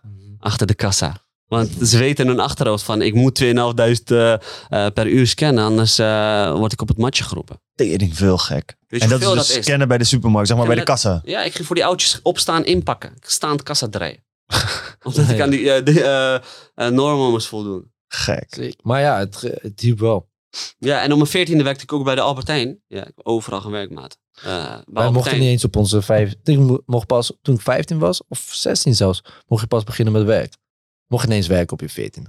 Ja, Maar ja, bij jou is het anders geweest. Jij was 14. 14 uh, werkte Albert ik gewoon Heijn. als vakvuller bij de Albertijn ook. Ik volgens mij ook, man. 14. Ja. Kom wel, man. Ja, toch. Tegenover de zaak van mijn ouders had je Albertijn. Daar werkte. Waarom ga je daar dat dan? Waarom niet bij de zaak van je ouders? Ja, weet je, ik- ten eerste, ik vraag geen geld van mijn ouders. Ten tweede, ze draaiden ook niet zo denderend dat je echt geld Hmm. kon vragen of zo, Ja, weet je. ja, ja, Mhm. dat is lastig. Dus dat is het. Wat doen je Ja. ouders nu? Met pensioen, Oh, rustig. natuurlijk. Ja, man. Door jou? Shout-out naar jou, man. We zijn ze gewoon gestopt. Kijk, eh, nee, nee, nee, nee. Eh, de, de enigste goede financiële keuze die zij hebben gemaakt was destijds die winkelpand kopen. Mm. Nadat ik eh, mentoren had, eh, kennis eh, had vergaard wat betreft vastgoed, kon ik gewoon hefbomen via, eh, via die winkelpand. Ja. Snap je? Mm. Een paar appartementen erbij gekocht. eh, zelf ook financieel veel steun ehm, gegeven. Maar ja, dat zijn je ouders, dat moet. Snap je? Ja. Mm. Ik zie tegenwoordig ook mensen eh, geld vragen van hun ouders en zo. Weet je. Ik kan daar niet tegen, man. Mijn kind, die moet slimmer dan mij worden, weet je. Anders doe ik iets fout. ja, man. Die moet mij je. sponsoren. Weet je? Maar ja, als jij straks al top level speelt, hoe ga je dat dan eh, makkelijk omdraaien? Want wat jij hebt qua mindset en dat jij, eh, langs eh 30 supermarkten gaat om filiaalmanager te worden, dan heb jij eh 99% van de bevolking die stopt na vijf eh, sollicitaties en denkt, ja, fuck jullie. Nederland is racistisch. Ik heb dit helemaal geen zin in. Doei. Daar Ja, kan ik ook niet Slachtofferrol. Ja, precies. Maar die zeggen gewoon, ja, ik, ik ga wel wat anders doen. tegen. Of in plaats van filiaalmanager word ik wel gewoon, gewoon normaal medewerker. Word ik gewoon vakken vullen of cashieren. Ik had nooit de ambitie om filiaalleider te worden. hè. Ben ik ook nooit geworden. Dus Ik heb vaak de aanbod gekregen. Maar kijk, besef, ik werkte 30 uur per week. Als je filiaalmanager wordt, moet je minimaal 40, 50 uur per week draaien. Ja? Mhm. Nou, dan verdien je ook maar eh, in eerste instantie 2200 euro netto. Nou, dat verdien ik al als vakvuller. Waarom moet ik filiaalmanager worden? Plus, dan moet ik 10 uur van mijn tijd meer leveren. Mhm. hey, ik besefte die tijden dat ik als een psychopaat alleen maar bezig was met overuren eh, om een paar honderd euro per maand meer te verdienen, dat ik niet meer mijn creatieve brein kon gebruiken. Mm. Snap je? Ja. Hey, je moet ook een beetje jezelf eh, even achteroverleunen om na te denken van, hey, hoe ga ik grote vermogens vergaren? Is dat nou door, het, eh, door te ondernemen of door te investeren? Maar als je alleen maar bezig bent met werken, werken, werken. Je bent thuis, ga je eten, douchen, bek af. Je hebt geen tijd meer om creatief na te denken, snap je? Nee. en dat besefte ik. En daardoor wijste ik altijd die districtleider af eh, om filiaalmanager te worden. Ja. Ja. Ik Dus- vond het al niet leuk dat ik assistent was. Voor 50 euro, eh, later 75 euro meer per maand, had ik de verantwoordelijkheid van alle medewerkers, van de kluis, van de vracht, van, eh, van alles. Mhm. Snap je? Filiaalmanager heeft niet eens de verantwoordelijkheid. Alles wordt afgeschoven aan, eh, aan de assistenten. Dat is wel het beste. Voor via filiaalmanager. Ja. Hey, Mensen maar- vinden het stoer om filiaalmanager te worden. Kijk, het is ook niet slecht, of, eh, weet je, het is niet slecht als je filiaalmanager wordt. Maar is dat jouw doelstelling om 2200 euro per maand te verdienen? Ja, oké, prima, wordt het. Maar ik moet zeggen, kijk, als ik... eh, ik heb een eh, opleiding gedaan, biomedisch labonderzoek, Mhm. HBO. Een van de moeilijkste HBO-studies om te doen. Ehm, Big flex. nee, maar het is gewoon destijds zeiden ze dat ook. Van, je, eh, je bent al aangenomen met wiskunde A, maar daar kreeg je wiskunde B. Eh, ja, lekker man. Ja, ja ga Beetje verder. water. Ehm, maar het ding was dus van, je moest heel veel leren. Moest heel veel uren erin stoppen. Het was heel normaal om nou, 40, 50 uur in de week aan school eh, ja, eigenlijk in te zetten. Mhm. En dan eh, heb je vier jaar van je studie heb je voltooid. Ben je klaar, heb je diploma. Dan één, heb je geen eens baanzekerheid. Twee, als je een baantje krijgt, dan heb je eigenlijk maar een kleine fractie van je hele opleiding heb je nodig. En drie, als je dan aan het werk gaat, kreeg je tussen de 2 en 3000 euro. Nou, 2000 euro als je start, 3000 euro als je 50 bent of 60 en je hebt zeg maar alle pluspunten van de hele functie heb je op je. Bruto of netto? Volgens mij Eh, bruto laten, man. we, laten we zeggen netto. Nee, Ja. bruto. Ik denk bruto. Dubbel bruto. fire. Ja? Ja, bruto. Dus toen dacht ik ook van ja, luister, eh, dan eh, verdien ik 2200. Ik weet niet eens hoeveel dat netto's is. Bro, 2000 bruto, dan krijg je echt 1500 euro of zo, man. Ja man, maar dan heb je wel een studie gedaan voor vier jaar. Ja. Toen dacht ik ook van ja, is, is dit het zeg maar? En dan heb je wel zeg maar van oké, in jouw situatie, jij woonde bij je ouders. Dan ben ik best wel benieuwd. Je hebt dan ook op een gegeven moment een mentor gezocht, zeg maar, en boeken gelezen natuurlijk. Ehm, maar voor heel veel jongens die ik ken, 1500 euro, dat is zo op. Dat weet je, en ze weten niet eens waaraan het uitgaat. Maar het is wel zo op. Hoeveel zette jij maandelijks aan de kant om bijvoorbeeld ook voor jouw mentor te kunnen betalen? Oké, goede vraag. Eh, dat heb ik ook heel vaak gezien met Aldi natuurlijk. Die jongeren, die, ik zag ze met eh, D2, die squares broeken die tijden, 500 euro. Ik zeg, Ja, zeg, ik zeg, zeg, ik zweer, je hebt 500 euro betaald voor die broek. Terwijl je 500 euro per maand verdient. Hij is 18 hè? Ja, ja. Hij zegt, ja bro. En het draagt hem tijdens werk. ja, En het mooie is nog, ze vinden zichzelf, zeg maar, het is echt stunten, toch? ja. Maar ja, ik, ik, Ja. ik- ik- die jongeren denken heel anders man, weet je. Ehm, ja, ik dacht gewoon heel anders. Kijk, ik had, eh, ik had geleerd van, doe jouw luxe dingen met passieve inkomsten. Ja. Dus ik, ik werkte echt met beloningen en straffen. Ik weet niet hoe het kwam, maar ik was heel eh, streng tegenover mijzelf, man. Omdat ik, ik heb ook nooit mijn vader zien zeiken of zo. Mijn vader heeft nooit in 18 jaar tijd gevraagd van... Hé, hey, wat hebben we vandaag gedraaid met die supermarkt? Besef even, zo iemand was hij. Hij was ook, eh, ja, hij was ook twee, hij was ook een paar jaar lang commando in het leger. Die man heeft een, ook al was hij ziek in die werk, weet je. Soms eh, per ongeluk sneed, hij zich, sneed, hij, zichzelf. Hij was slager. En ja, die man ging gewoon nooit zeiken, man. En ja, dat, je pikt meer op van wat jouw ouders doen dan wat ze zeggen tegenover een kind. En heel veel ouders beseffen dat niet. Je kan zeggen van, hey, niet roken, maar als je zelf rookt bijvoorbeeld, eh, snap je?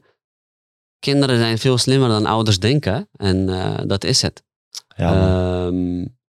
Dus ja, ik pikte onbewust ook eh, die strijdersmentaliteit van hun op. Mijn, mijn moeder die eh, stond iedere nacht, eh, iedere dag vijf uur op, kleding vouwen, et cetera, ontbijtje klaarzetten, daarna werken, heel de dag door. En ja, ik besloot er gewoon voor om dat niet toe te laten staan. Dus je ging hard strijden voor je geld.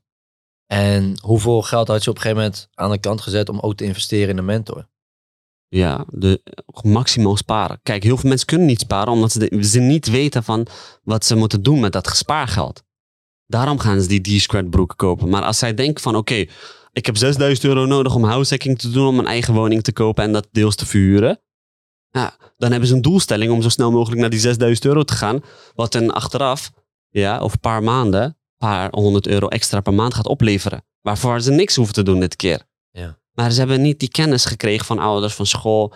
Daarom sparen ze niet, denk ik. Plus, de meesten zitten ook gewoon in een comfortabele situatie. Het is heel, veel makkelijker en veel, eh, ja, veel. mm, je krijgt veel meer dopamine als jij eh, leuke dingen ermee doet. Ja, dan, social eh, media is daarin ook- sparen voor een investering, man. Ja, social media is daarin ook fire toch? Want zeg maar, ik merk het ook wel bij mensen om me heen. Ja, die gaat weer op vakantie naar dit. En die heeft net een nieuwe auto gekocht. En eh, dat nieuwe shirtje van dit merk wil ik eigenlijk ook hebben. Als je continu mensen om je heen ziet kopen. Dan ga je zelf wel denken van ja, ik wil eigenlijk ook wel wat nieuws kopen toch? En je moet best wel sterke mentaliteit hebben. Om keer op keer tegen jezelf te zeggen. Nee, ik heb een grote lange termijn doel. Over tien jaar wil ik goed zitten. Ik moet nu één vakantietje per jaar. Voor de rest gewoon tranquilo doen. Ah, voor mij was dat zo moeilijk. Hè. Wat jij nu zegt, eh, die zomertijden vooral. Dat jij eh, fulltime moet werken en je ziet eh, klanten half naakt naar Scheveningen Beach gaan, weet je. Eh, chillen, weet je. Maar Ja. ik dacht altijd van, hou het vol man. Nou, Want ik had mezelf beloofd, jij gaat, pas op je, jij gaat pas op vakantie wanneer je de eerste passieve inkomsten vanuit huur hebt verdiend. Nou, nadat ik die eerste huurders had, knalde 600 euro netto per maand binnen, had ik de dikste vakantie op, dankzij mijn huurders, naar Bali geboekt. Ja, ik heb daar als een baron geleefd. Ja, en het ding is ook voor de rest van je leven ook. Zeg maar, die 600 blijft komen. Dus als je die 600 elke... Als jij elke maand zeg maar die squared broek wil kopen, weet je in ieder geval zeker dat je zeg maar geen tijd eraan verspild hebt. Kan gewoon die broek halen, want het verdient voor jou. Precies. Nee, ik had wel, wel leuk dat je dat zei, bijvoorbeeld ook met de vakantie. Ik heb het ook wel eens tegen jou gezegd. Ik denk dat ik sinds, eh, ja, sinds we zijn begonnen met ondernemen, dat is twee, drie jaar geleden, ben ik eigenlijk nog niet eens op echt één goede vakantie geweest. Ja. Ik heb gewoon gezegd van oké, we gaan gewoon focussen op business. Als business gewoon genoeg binnenhaalt, dan ga ik rustig op vakantie. Precies. En dan ga ik ook echt focussen op ehm, dat ik ook gewoon lekker kan chillen tijdens een vakantie. Jou en ik gaan binnenkort naar Dubai. En dan kunnen Jorr. mensen denken van, hé, hey, dat is vakantie. Maar het heeft een doel. Snap je? We zijn daar gewoon aan het werken. We zijn daar podcast aan het opnemen. Ik was laatst in Edinburgh. Daar was ik ook gewoon keihard aan het werk. Ik was elke dag aan het strijden. Elke dag aan het bellen zonder internet. ja, dat is Fucking kut. Ga ik nooit meer doen. Dat is Meest mislukte vakantie ooit. Meest mislukt. Van, er ging alles fout, maar fout kon gaan. Maar ik ben wel gegaan uiteindelijk. Heb wel van kunnen genieten. Ja, zo bouw je die leuke verhalen op, man. Ik had die terugvlucht eh, van Bali gemist, bijvoorbeeld, snap je? Hey. ik had de heenvlucht gemist van naar Edinburgh, man. Ja. En toen heb ik als het dombo eh, 800 euro betaald voor een terugvlucht, omdat ik eh, twee dagen later, eh, of een dag later moest werken. Ja, als ik achteraf terugkijk, kon, was het voor mij veel goedkoper en chiller om daar te blijven. Nog een paar dagen, snap je? Maar als je een spoedticket gaat eh, kopen, dan betaal je maximaal. Ja man. Maar ja, ik was toen ook angstig van, ja, dadelijk eh, word ik ontslagen of zo, weet je. Ja. Ehm, Hey, hoeveel, eh, want op een gegeven moment ben je gestopt bij de Aldi. Je werkt nu niet meer bij de Aldi. Op welk moment dacht je van oké klaar, dit is voor mij het moment om nu te stoppen? Ja. Ehm, kijk, je moet het slim spelen. Zelfs nadat ik financieel eh, vrij was, ja, ik hoefde eigenlijk niet te werken, maar ik ging nog steeds. daarna, anderhalf jaar later, was ik nog steeds aan de bak bij de Aldi. Waarom? Omdat ik nog een eh, woning nodig had voor mezelf, om zelf in te wonen. Ik ben getrouwd, dus eh, als jij een eigen woning gaat kopen, is het veel moeilijker om dat alleen met huurinkomsten te doen dan met de vaste, eh, vaste baan, vaste salaris. Banken werken op een hele andere manier, weet je. Een, een vaste contract telt veel zwaarder dan drie huurpanden of zo. Dus Ja. dat is de reden waarom ik nog door bleef werken. Ja, toen eh, ja, bleef ik gewoon doorgaan van, ja, neem pas ontslag nadat je nog die woning voor jezelf hebt gekocht. Om daar met je vrouwtje in te wonen. Mhm. Hoeveel verdiende je dan toen eh, richting het eind aan je vastgoed gewoon uit box 3? Veel, man. Ik had, ik had toen drie panden. eh vier, vier, vier huurders in elke pand. Dus Wauw. 4 keer 3, 12 huurders. Ik incasseerde 6000 euro eh, bruto cashflow. Maar ja, kamerverhuur telt niet zo zwaar mee als die vaste contract bij de Aldi. Ja, dat is fucking dom eigenlijk. Banken zien dat als meer risico, snap je? Ja. Nou, later nu, met die hoge Ineco-prijs, heb ik al die eh, kamers eruit gehaald. Nu vuur ik gewoon aan eh, gezinnetjes. Minder hoofdpijn ook. Maar Ja. ja, toen knalde ik wel goed geld met studenten. Juist. Ja. Zou je dat eh, nu nog steeds doen? Want ik heb bijvoorbeeld Nee. laatst was ik een beetje aan het zoeken naar een, eh, oh, naar een huurpand. Gewoon om Mhm. zelf natuurlijk gewoon in te kunnen wonen. Ehm, en toen kwam ik heel veel verhuurders tegen. Die zeiden eigenlijk van luister, hier zaten eerst drie studenten. We willen alle drie studenten weg hebben. Gaat nog maar één persoon hier wonen. Mhm. En die persoon moet dan wel meer betalen. Die moet gewoon eigenlijk alle kosten bij elkaar gewoon kunnen dekken. Maar hier mag maar één persoon wonen of een stelletje. Eén van de twee. Is dat ook zeg maar, bij jou ook dezelfde reden geweest? Van je hebt liever gezinnetjes erin dan vier studenten? Want, Nee, het is niet dat ik dat liever heb, maar eh, ja, die studenten draaien die kachel aan. Hè. Niet normaal. En eh, ik, heb, ik heb laatst huurders ingeschreven, twee huurders, hè, gewoon een stelletje. Startkosten van Eneco is 450 euro voor hun, hè? besef. Terwijl ze die kachel niet eens aan, aandraaien. Gewoon maan, maandelijkse termijnen, 450. Ja. Als jij dan eh, 1300 euro huur moet betalen, plus 450 Eneco. Ja. Ik dacht van, klaar man, nee. Maar het is, ehm, doe je dan dan inclusief of exclusief? Alle Als, je, als jij kamers verhuurt, inclusief. Ja, Maar moet dat? Eh, ja, wat kijk, je hebt vier, je hebt vier kamers. Eh, als je per kamer 500 euro vraagt, dat is dan gewoon inclusief. Ja, oké. ja, dus ik zet daar een bureautje in, eh een eenpersoonsbed, et cetera. Plus inclusief. Nou, hun gaan meestal ook eh, stiekem een koelkastje erin zetten. Nou, dan heb je ook vier koelkasten erbij. Maar ja, eh, vroeger was dat alsnog niet veel, veel geld. eh, qua maandlasten voor, die je aan Eneco moest eh, ophoesten. Maar nu, eh, als zij de kachel aandraaien, ben je zo 800 euro lichter. Nou, dan krijg je wel 2000 euro binnen. 800 euro eh, alleen aan Eneco, plus hypotheek gaat er vanaf. Is niet meer echt rendabel. Ja, Dus ik vuur het gewoon voor eh 13 of 1400 eh, exclusief. oké. Nou, dan kunnen ze de kachel aandraaien hoe hard ze dat eh, zelf willen. Succes ermee. Snap je? Succes. Ja, Ja. man. Maar nu heb ik ook niet meer die verplichting van moet aan studenten. Toen wel, want toen wilde ik zo snel mogelijk geld verdienen, weet je. Nu ben ik ook tevreden met minder. Wat zou je dan adviseren aan mensen die dus hiermee gaan beginnen? Om zich te richten op studenten of om te richten op gezinnen? Kan allebei. Kan allebei. Maar dan moet je gewoon... eh, kijk, tegenwoordig heb je ook toon. Je kan in de gaten houden via een appje hoe hard zij de kachel aandraaien, weet je. Ja. Dus eh, je moet gewoon kijken wat rendabeler is. Ja. En je hebt ook wel veel gekke. eh, en mijn zusje woont in een studentenwoning. Een van die woningen, zeg maar, het was verschillende kamers. Eén kamer is dicht. En die man heeft niemand erin, zit gewoon dichtgedraaid. Ja, En daar zit de warmteregelaar. ja. Ze heeft hem gewoon laag staan. Niemand kan in die kamer. Klopt, klopt, klopt. klopt. Nee, dat had ik toen niet, man. Dat weet het niemand. Maar Nee. zo zie je ook. Zo schandalig wordt het ook gewoon. eh, je Ja. weet toch, ja, studenten worden gewoon eh, gebost. Klopt, klopt. Nee, ik zorgde wel altijd echt top voor mij. Nog steeds, hè. Je ziet, die huurder belt mij. Rioleringstuk gelijk. Dat wordt gelijk Ja. gefixt. Sterk, man. Als mensen jou betalen, moet je ook goed voor ze zorgen. ja. Dus eh, dat is voor mij wel een principe, man. Ja, en man, je had het net ook erover over eh, dat je iemand had geholpen voor 500 euro. Ja. Eh, waarom eh, help je andere mensen dan ermee? Is dat iets waarvan je zegt van hey, ik vind het gewoon leuk om te doen? Omdat mensen het vragen? En, want het hoeft niet. Ik, moest eerlijk, ik moet eerlijk zijn, in eerste instantie was dat voor geld. Voor die, ik dacht van, luister, deze man wil zwaar mijn kennis absorberen. Hey, ik kan daar makkelijk 500 euro voor een dag eh, krijgen. Ja, toen was dat goud voor mij. Hij blij, ik blij. Nou, ik, ik, ik had toen ook eh, wat geld tekort voor eh, notariskosten, et cetera. Ja, zo bouw je dat dan sneller op, weet je, om die kosten allemaal te dekken. Ja. Je moet wat dingen erbij doen. Ik, ik kocht ook eh, in tomatenkassen. Ja, je komt toen een tuin. Ik pakte vader, mijn vaders busje. Laat ik vol met kisten tomaten. Verkocht ik het goedkoper in. Ging ik al, naar langs al die buurtwinkels en verkocht ik gewoon. ja, weet je?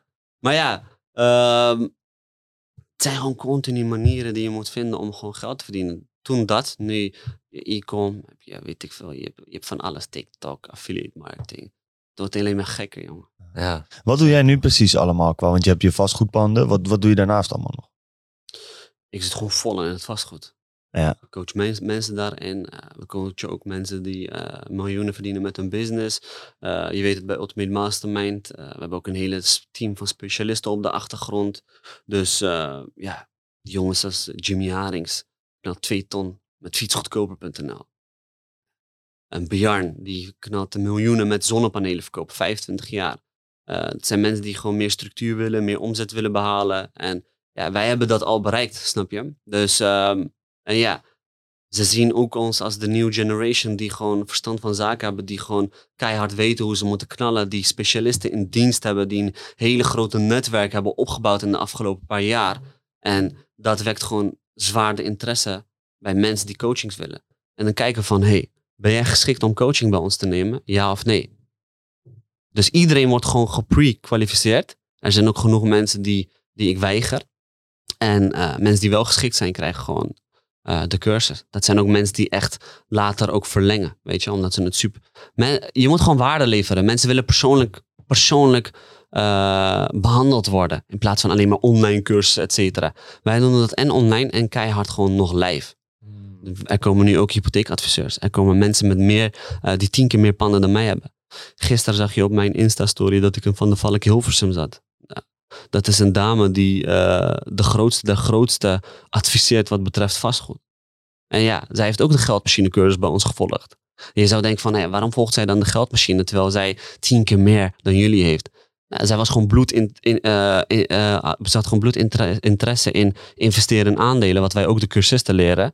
En ja, zij is gewoon dolblij. Zij zit gewoon ook nu in ons netwerk. En andersom ook. Ja. Maar oké, stel je voor, nu kijkt eh, Jimmy uit Hoofddorp kijkt. En die eh, zegt van ja, ik wil ook wat die Aniel heeft man, eh, passief inkomen, dit, dat. Maar ja, ik werk ook bij eh, de supermarkt of ik rij voor Picnic, weet ik veel, iets. Maar ja, jij hebt het over mensen die al miljoenen maken of tonnen maken. Helpen jullie ook die mensen die, ja, die nog helemaal eigenlijk staan waar jij stond eh, zes, zeven jaar geleden? Absoluut. En eh, ik zeg altijd tegen die mensen: kijk, stel je voor je hebt niet veel eh, spaargeld. Dan moet je gewoon eerlijk zijn van luister. Het is voor jou nu veel moeilijker om binnen een paar maanden jouw eerste eh, woning aan te kopen en dat te verhuren. Want je, hebt, je, je mist gewoon eigen geld. Wat jij nu kan doen, je hebt twee opties. Of je kan naar de cursus komen om ook het spelletje over aandelen te leren, zodat je gewoon tien keer harder kan sparen, hoe wij dat ook hebben gedaan. Laten we je precies zien hoe, hoe je dat moet doen op de automatische piloot. En dan kan je gewoon sneller sparen. En dan kan je over één of twee jaar die eerste woning kopen. Maar je kan ook kiezen van, hey, ik ga nu bezig zijn met ondernemen om nog sneller te sparen. Dat kan ook en dan kom je gewoon later bij ons terecht. En heel vaak kiezen de jongeren ervoor, ja, het is ook een slimme keuze, om nu al eh, coachings te krijgen. Ja, dan, ik leer die gasten op een abnormale manier hoe ze slim moeten omgaan met hun geld. En eh, eh, om leiderschap eh, skills te ontwikkelen. Als jij dat niet bezit, ga je never nooit, ook niet in het ondernemen, ook niet in het investeren, succesvol worden. Ik leer ze alle skills, alle honderd wegen die naar Rome leiden, wat betreft vastgoed. Alle, eh, ehm, eh, ik laat ze alles zien. Hoe ik geld heb verloren, hoe ik eh, honderden duizenden euro's heb eh, verdiend met vastgoed. Hoe je deals moet krijgen, hoe je financieringen rond moet krijgen. Hoe je eh, wellicht investeerders kan overtuigen. Hoe je businessplannen moet opstellen. Het verschil tussen sociale sector, vrije sector. Overwaarde opnemen. Presteren in een dalende markt en ook in een goede markt. Waarom zie jij nu al die crypto-investeerders in de put raken? Is omdat ze alleen maar leren om een goede opwaartse markt te presteren. Als die coin op 60k staat, willen ze erin gaan. Maar als die laag staat, willen ze niet erin gaan. Hetzelfde is met aandelen zo. Het is altijd volatiel. En je moet leren van, oké, hoe ga ik daarmee om? Volgens mij, eh hoe heet die gast die laatst hier stond? Hij, eh Thijs, Thijs. Thijs Verlangen. Ehm, Ja, slimme jongen. Ik ken hem niet persoonlijk, maar shout-out naar hem. Hij eh, legde het gewoon keurig uit van, kijk, je hebt een strategie nodig. Dat is gewoon belangrijk. Niemand, zelfs Warren Buffett zegt, ik ga, ik ga never nooit ergens in investeren waar ik geen verstand van heb. Klaar. En eh, in aandelen ga je nooit eh, genoeg verstand van krijgen om daar miljoenen mee te verdienen. Eh, je, moet, je, moet, je moet gewoon de 4% volgen. Periodiek beleggen, dollar cost averaging noemen ze dat in het, in het Amerikaans. Periodiek beleggen, weten wanneer je entrance strategie is en wanneer je exit strategie is. Wij cashen uit op 20%, we schalen op. In twee jaar tijd is dat opgeschaald van 200 euro naar 2000 euro wat we maandelijks beleggen. Nou, als ik nu al alleen niet opschaal met die 2k per maand stabiel blijf inleggen, is dat op 30 jaar eh, als je rekent op 12% rendement op jaarbasis, is dat 6,5 miljoen euro. Je return on investment. Mm. hey, dat is lange termijn beleggen, maar dat is wel hoe je miljonair wordt, snap je? Er bestaat niet snel miljonair worden. Kijk, sommigen hebben eh, eh, geluk, die, tenminste geluk wil ik niet zeggen, maar die hebben bijvoorbeeld eh, iets uitgevonden waarmee ze snel miljoen hebben geklapt, maar dat zijn echt uitzonderingen. Mhm. Dat heb ik ook niet. Dat heeft misschien boven de 99% ook niet. Nee, man. Je moet slim spelen, een strategie hebben, een plan hebben en daaraan eh, vaststandig zijn. Volle vastberadenheid, er naartoe werken. Ik was ook bloedongeduldig omdat ik eh, mijn ouders zo snel mogelijk financieel vrij wilde krijgen. Dus ik zei tegen mijn mentor van, luister, ik word jouw beste cursist ooit. Ik hoorde zo'n lach achteraf, weet je. Nee, na zes maanden had ik wel het hoogste rendement. Waarom? Iemand die eh, in een luxe positie zit, gaat never nooit hoger rendementen behalen als dat ik betaal. Hoor. Dat kan ik jou garanderen. Want die heeft niet genoeg de drive. Mhm. En dat zie je tegenwoordig ook heel vaak met die jongeren. Die komen dan op een Zoom call met mij en die willen snel rijk worden. Maar hoe doe je snel? Hoe ga je dat doen? Leg mij uit. Ik, weet- ik weet niet hoe ik snel rijk moet worden. Weet ik niet. Ik weet wel hoe ik op lange termijn echt eh, minimaal 100 miljoen ga genereren. Ik kan jou niet. Je, je moet bij iemand anders wezen als jij snel rijk wilt worden. That's it. Mhm. Je kan niet snel rijden, vooral vastgoed. Dat is lang, long-term beleggen. Je koopt één pand, je incasseert 600 euro cashflow. Ben je dan rijk? Na twee jaar heb je misschien 100.000 euro van overwaarde verdiend. Ben je dan rijk? Tegenwoordig Eh, Voor sommige mensen is 100.000 best wel veel. eh, 100.000 euro is poep. Het is poep. Maar besef, als je altijd op je geld moet letten. En dan als mensen vragen, hey, kan je wat kopen voor me? Je hebt een paar tientjes. Dan zeggen jongens, ja, ik wil rijk worden. Want ze zien al die Lamborghinis op eh, Instagram. Maar die beseffen niet wat ze al kunnen doen met die 100.000. Want wat jij zegt, 100.000 is poep. Maar het is beter dan 10 euro hebben. Want met die 100.000 heb je tenminste een gameplan. Dan kan je weer de vervolgstappen nemen. Maar ja, kijk, Kosso, die heeft ook niet in één dag een Lamborghini gekocht. Wie, weet wat hij ervoor allemaal heeft meegemaakt. Al die raptijden en weet ik veel, weet ja, je. lange carrière. Eh, snap je? Ja, man. Maar je moet niet alleen die Lamborghini zien. Maar jongeren zien vaak alleen maar één ding. Een Rolex of een Lamborghini. Ja, ja, ja, ja. Hey, ik gun het ze van harte. Ze hebben er jarenlang voor gewerkt en uiteindelijk het gekocht of geleased. Boeit niet. Ze hebben het. Mhm. Maar eh, dat is niet in één dag opgebouwd. Ik heb niet in één dag een miljoenenportefeuille opgebouwd. Ik heb twee jaar lang gratis gewerkt als pandbeheerder. Ja?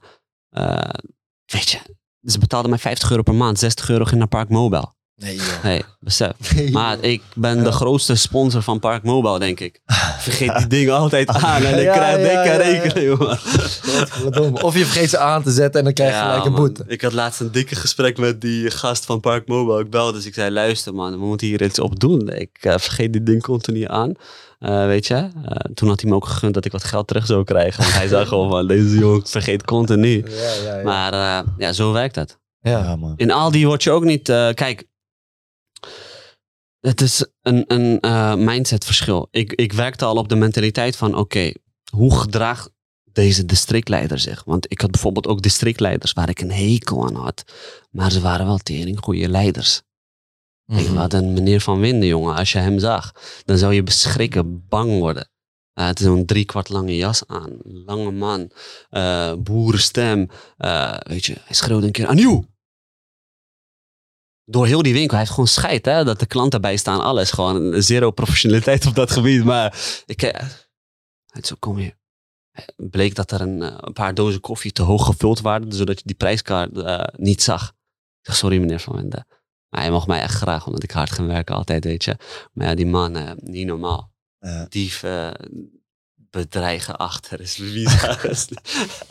Gekke tijden. Lekker man. Ja. Wat een persmachine waar je, wat die, die heel veel mensen hebben gezien, snap je? Ja. Al die waar je kartonnen in perst. ja, man. Mhm. Er waren veel koppen in gehangen. Weet je? heel veel dieven bij de Aldi ook, omdat... eh, ja, joh. Goud. Lekker man. Maar leuke tijden, man. Veel. eh, maar ik moet ook één ding zeggen. Is. Het is ook moeilijk om eruit te stappen. Hè? Je weet in je achterhoofd dat jij meer waard bent. Dat jij meer skills hebt. Dat jij gaat ondernemen, investeren. Maar toch is het een hele moeilijke zet om uiteindelijk ontslag te nemen. Want zeven jaar lang heb ik daar gewerkt. Niet normaal. Mhm. En eh, ik was meer in al die eh, eh, dan, dan dat ik mijn eigen bed zag. Ja man. Ik vind ook in een supermarkt werken. is leuk met de mensen. Maar die supermarkten zijn altijd zo koude lelijk. Ja. Ik werkte ook in een C1000. Het is echt Weet een ratten, omgeving, man. Alles is stoffig, alles is vies. Snap je? Alles wordt niet goed bijgehouden en zo. En je hoort bij Sinterklaas drie Sinterklaas pokoes hele dag. Ja, bij man. je begint drie over ratten, hè? kerstpokoes hele dag. Ja, je man. begint over ratten. Weet, ik heb zoveel ratten en muizen gevangen. Dat wil je niet weten. En, er eh, zoveel gezien, bro. Jullie mogen het Helemaal. gerust weten. Kijk, wij hadden een buurtwinkel. Super schoon.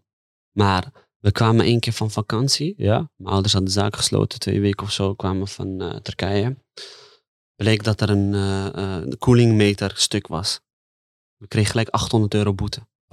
Terwijl de, de werkelijke temperatuur kwamen ze ook meten, was gewoon goed. Maar ja, bleek dat die meter kapot was. Nou, dat moet je allemaal dagelijks opmeten, et cetera. Maar ja, het kan dat je een dag skipt. Gelijk 800 euro boete.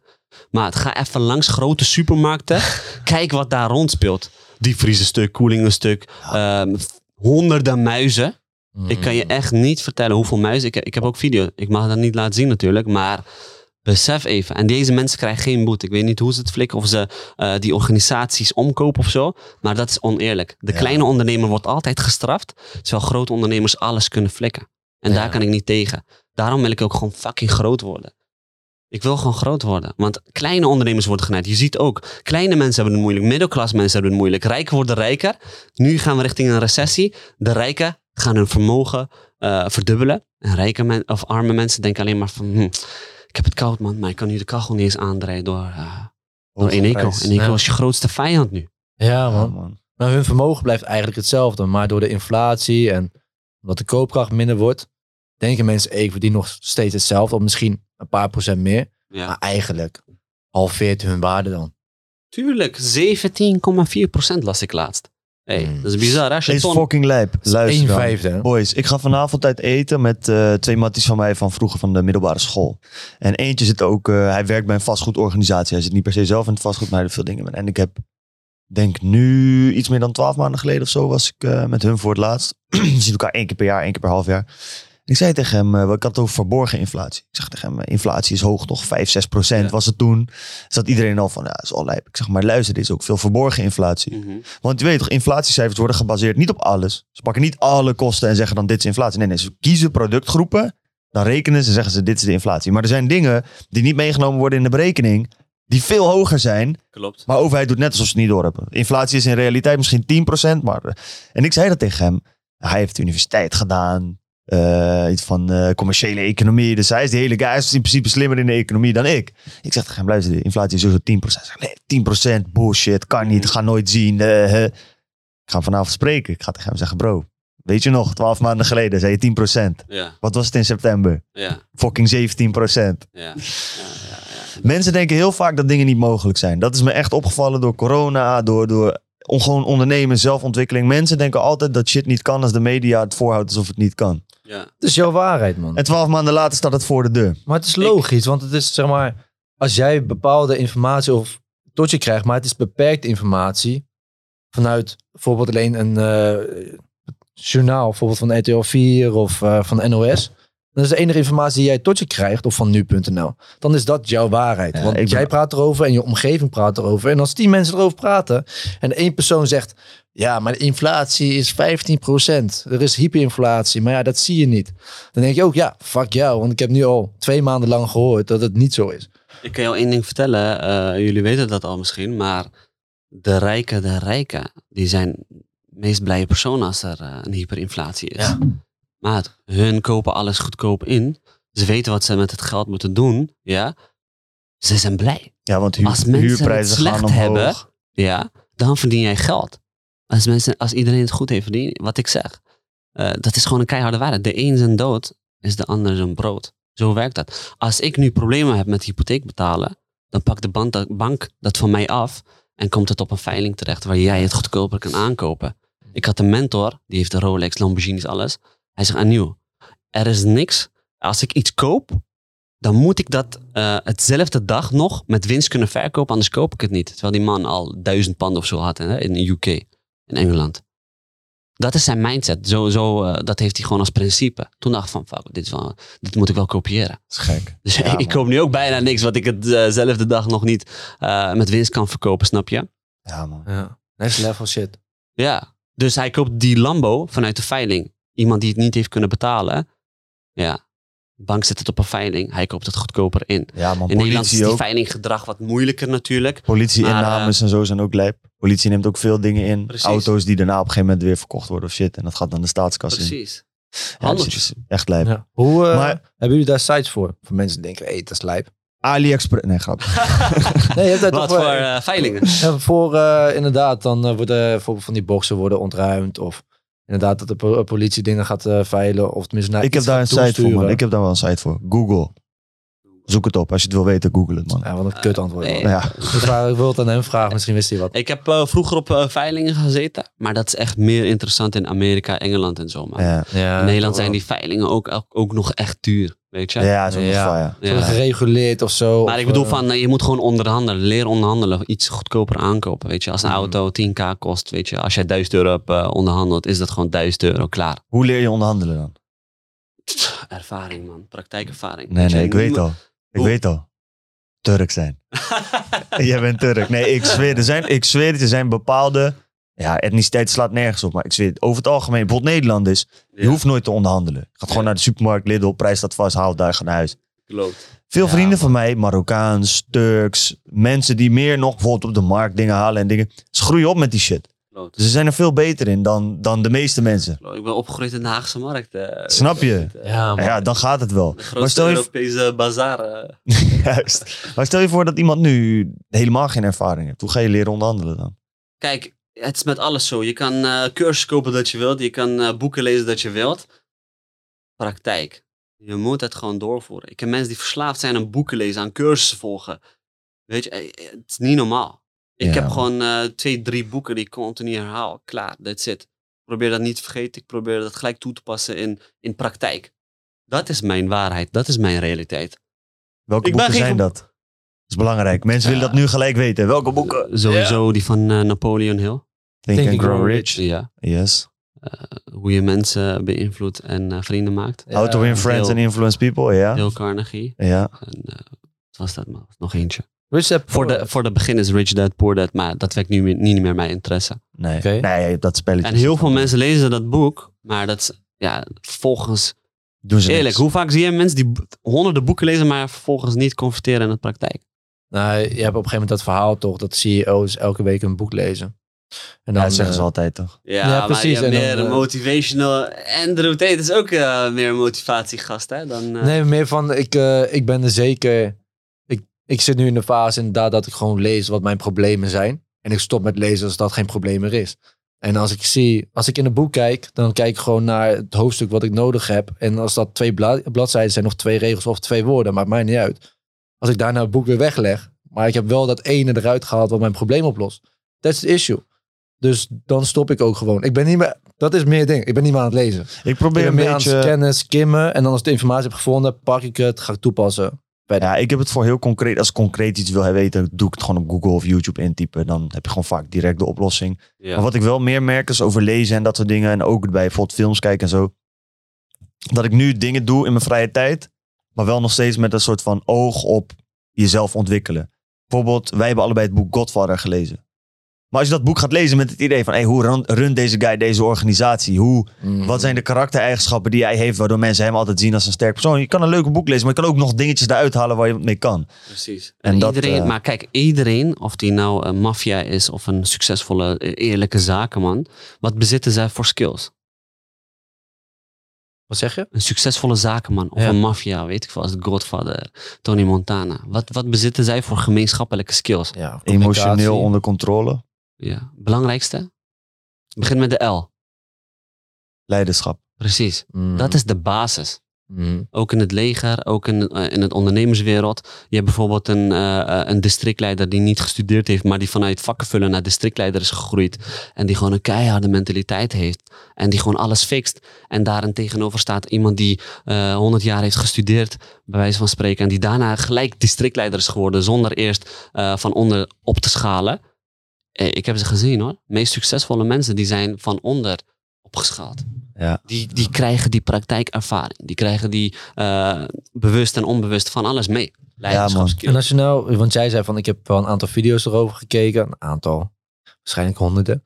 Maar ehm, als je nou ook nog een boek erover mag aanraden. Want ik heb wel eens gekeken naar boeken voor leiderschap. Uh, meeste voor, spraken me niet echt aan. Ehm, maar wat is bijvoorbeeld een boek geweest waarvan jij zegt... "Hmm, dat is wel een goed begin om eh, te lezen. Ik heb niet echt een boek daarvoor, man. Ik, ik, ik zat een keer in, eh, in het vliegtuig. En er zat een vrouw tegenover mij. Ik keek zo tussendoor, weet je. Je kan toch tussendoor kijken. Ze las een boek.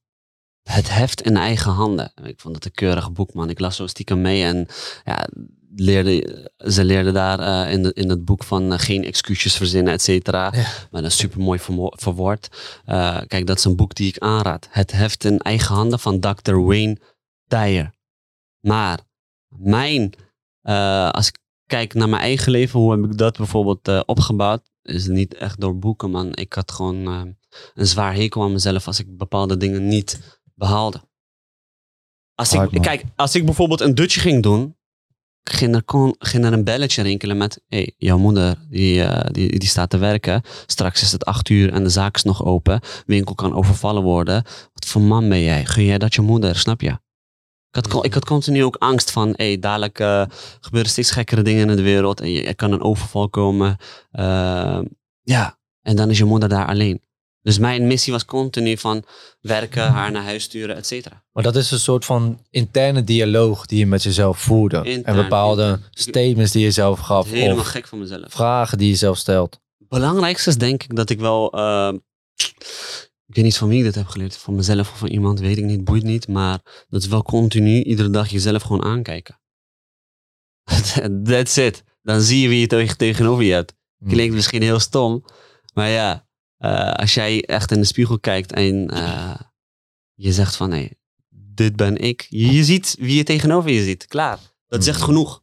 Mhm. En ik zag mezelf gewoon als een, als een soldaat, als iemand die eh, mooie dingen ging bereiken. Ik was ook niet bang om dat uit te spreken. Het eerste wat ik ook deed voordat ik begon, was alle negatieve zinnen, woorden eh, uit, de, uit onze vocabulaire schappen. Dus eh, ik kan het niet, ja maar, ik kan het niet financieren, Mm, het gaat me niet lukken. Dat zijn allemaal dingen die, je uit je onderbewustzijn moet wegschrappen. Echt waar. Ik heb dat niet. Mijn kinderen, die weten niet eens dadelijk wat ja maar betekent. Wat Maar hoe ga je daarmee om? Hè? Want kijk, dat wordt steeds eenvoudiger nu. Ik bedoel, jij, je werkt met René, eh, Thijs. Allemaal jongens die veel bereikt hebben, die die mindset hebben. Maar in de supermarkt, waar ik werkte, was het altijd alleen maar kanker op iedereen. Zeuren, moeilijk doen. Niks kon, alles was duur. De wereld was negatief, het nieuws was kloten. Het is moeilijk om dan zelf positief te blijven, man. Want je weet zelf ook, eh, als je, Kosso zei het al, als je met vijf pannenkoeken omgaat, word jij de zesde pannenkoek, zeg maar. Klopt, klopt. Ja, daarom blijf je continu ook nog die, eh, beetje die straat in je hebben, weet je. Omdat je gewoon daar bent. eh, ja, je bent met die mensen opgegroeid. Je, ziet, je zegt het zelf. Je hebt, als jij in de supermarkt rijdt, alleen maar ligt, vracht is te laat. S'nachts slecht weer. Iedereen heeft fucking 100 sigaretten per dag. Eh, golden Ja. Power achterover. De golden Power van Aldi. Ja, maar ja, ja, ja, ja. 23061224 is die code. We moesten honderden codes onthouden bij de Aldi. Hè? Eh, ik- je vergeet ze niet meer, snap je? Dat zijn dingen die je... Kijk, de kracht van herhaling. Als je dingen worden... eh, krijg je onbewust mee. En als jij thuis woorden en zinnen gebruikt als ja maar. eh, het is een mooie pand, mooie deal, maar ik kan het niet financieren. Jouw kind gaat dat onbewust meepikken. Mhm. Dus dat gebruiken wij niet. Waarom? Er bestaat niet als ik kan het niet financieren. Het is van oké, als ik nu geen geld heb, maar ik wil het kopen, dan ga ik zoeken naar hoe kan ik het kopen? Met wie kan ik het samen kopen? Wie ga ik erbij betrekken?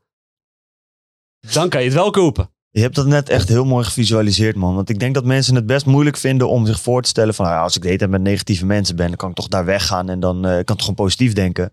Maar je moet het hetzelfde bekijken als die code die jij net noemt. Mhm. Je bent nu al jaren daar weg en je kan die code nog in één keer bap, bap, bap, bap, eruit. Ja.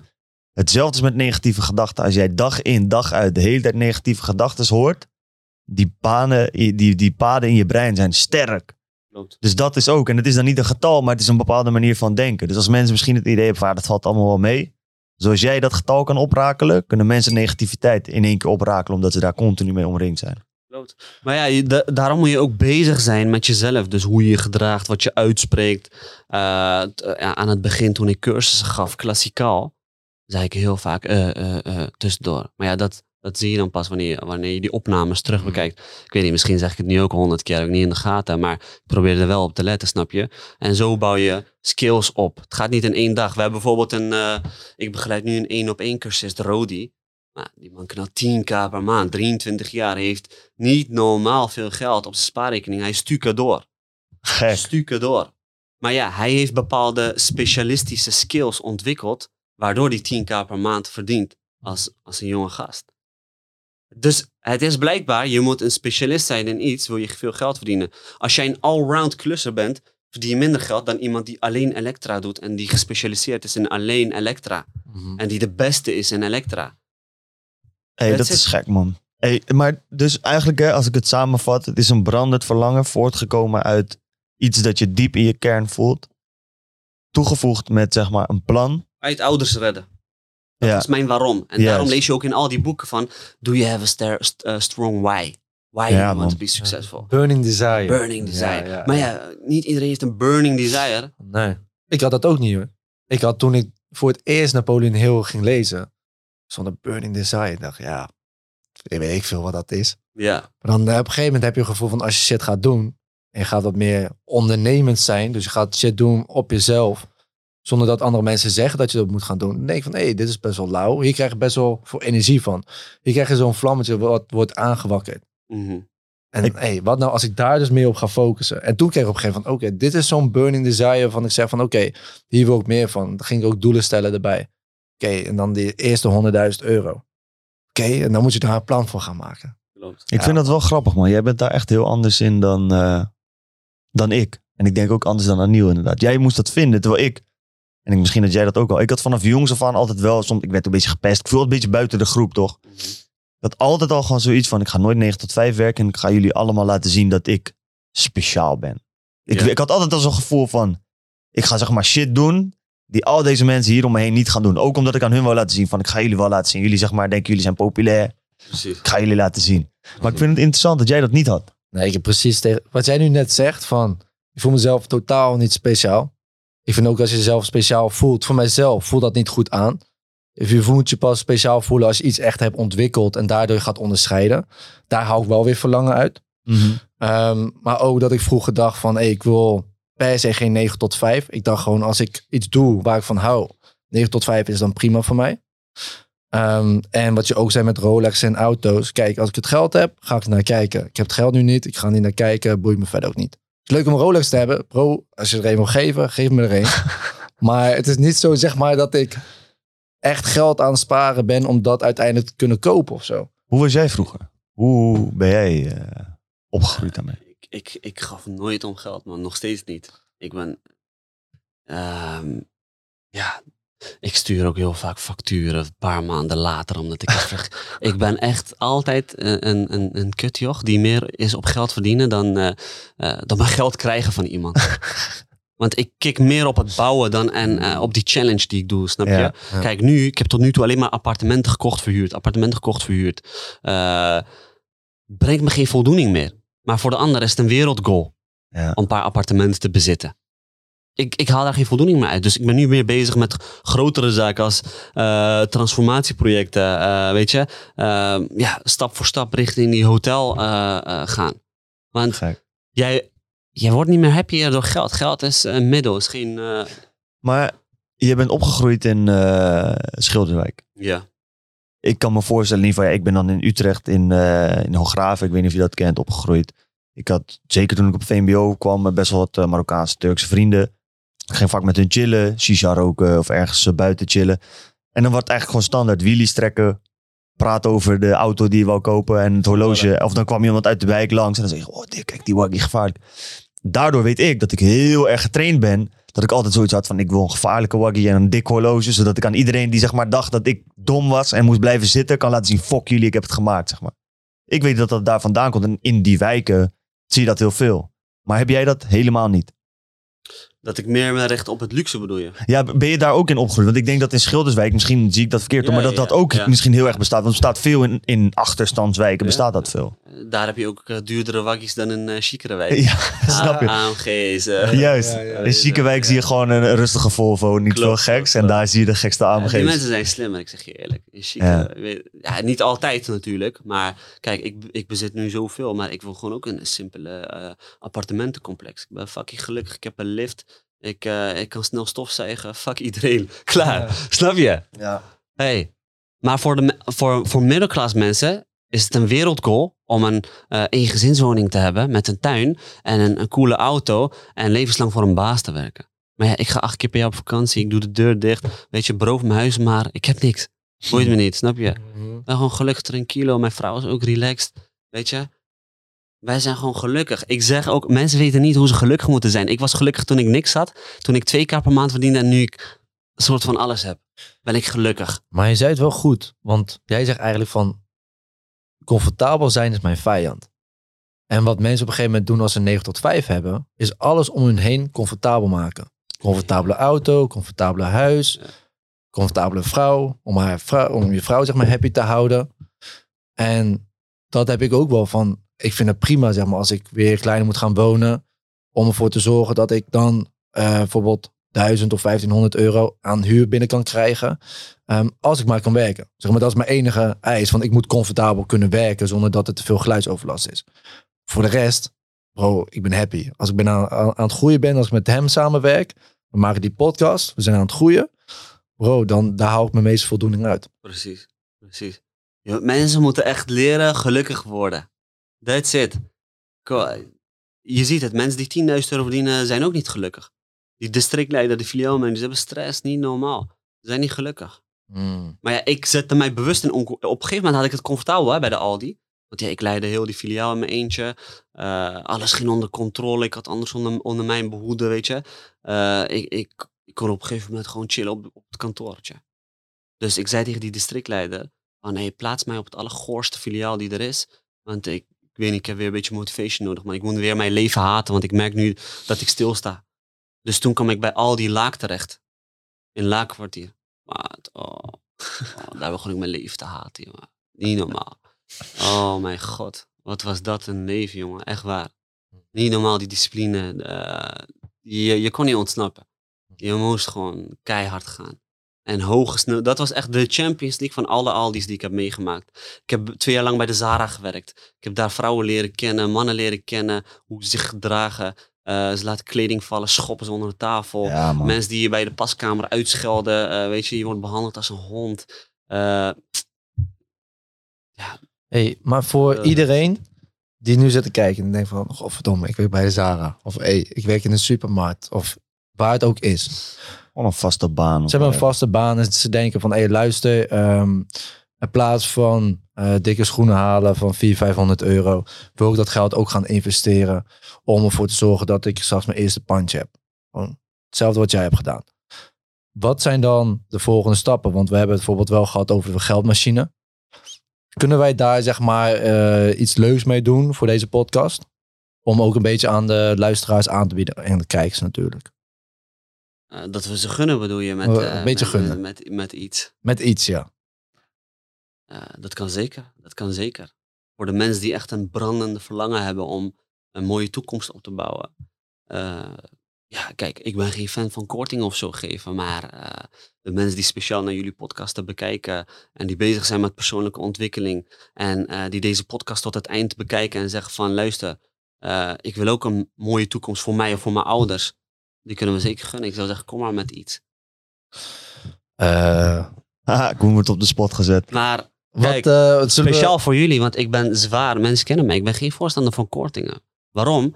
Kortingen heeft geen waarde. Weet je, als jij iets alleen koopt puur op korting, dan, dan heb je geen goede mindset in mijn Ik ogen. hoor je, man. Ik Ik geef ze nu al één tip. Werk je bij de Zara of bij de Aldi. Spaar al je centjes, wat je ook hebt. Zorg voor die vaste contract. Kijk naar wat je kan lenen. Koop een appartement. Ja, woon in één kamer, solo. Als je jong bent, als je 18, 19, 20 bent. Woon gewoon klein in één kleine kutkamer. En verhuur drie kamers. 500 pp per kamer. 1500 euro. Je huis wordt gratis afbetaald. Je houdt nog eh, een hele grote cashflow over. En dat is jouw eerste stap naar welvaart, naar vermogen. Ja. Oké. 100. Wat we dan gaan doen, en dat doen we nu sinds een aantal weken, maar wat de, wat de boys dan kunnen doen en de vrouwen die ook dit kijken, eh, stuur ons even een DM op, eh, op onze Instagram, uh, Lotgenoten Podcast, met, eh, noem een woord. Geldmachine. Oké, Geldmachine Classic. Let's go, de classic. Ehm, met geldmachine. Ehm, en dan gaan wij gewoon eventjes kijken of eh, die mensen dan ook... eh, dat het ook een beetje geschikte personen zijn, zeg maar, wat hun verlangen zijn. Of zij bereid zijn om, zeg maar, ook bijvoorbeeld echt een geldmachine te kunnen gebruiken in hun situatie. Ehm, en dan kunnen ze uiteindelijk dus ook de geldmachine gaan leren bij jou. Zeker, kijk, ik gun het iedereen van harte. Maar ik ben ook niet een van de coaches die op internet roept van iedereen kan het. Hey, Nee. Niet iedereen kan het. Jij kan het als je bepaalde dingen wilt opofferen. Klaar.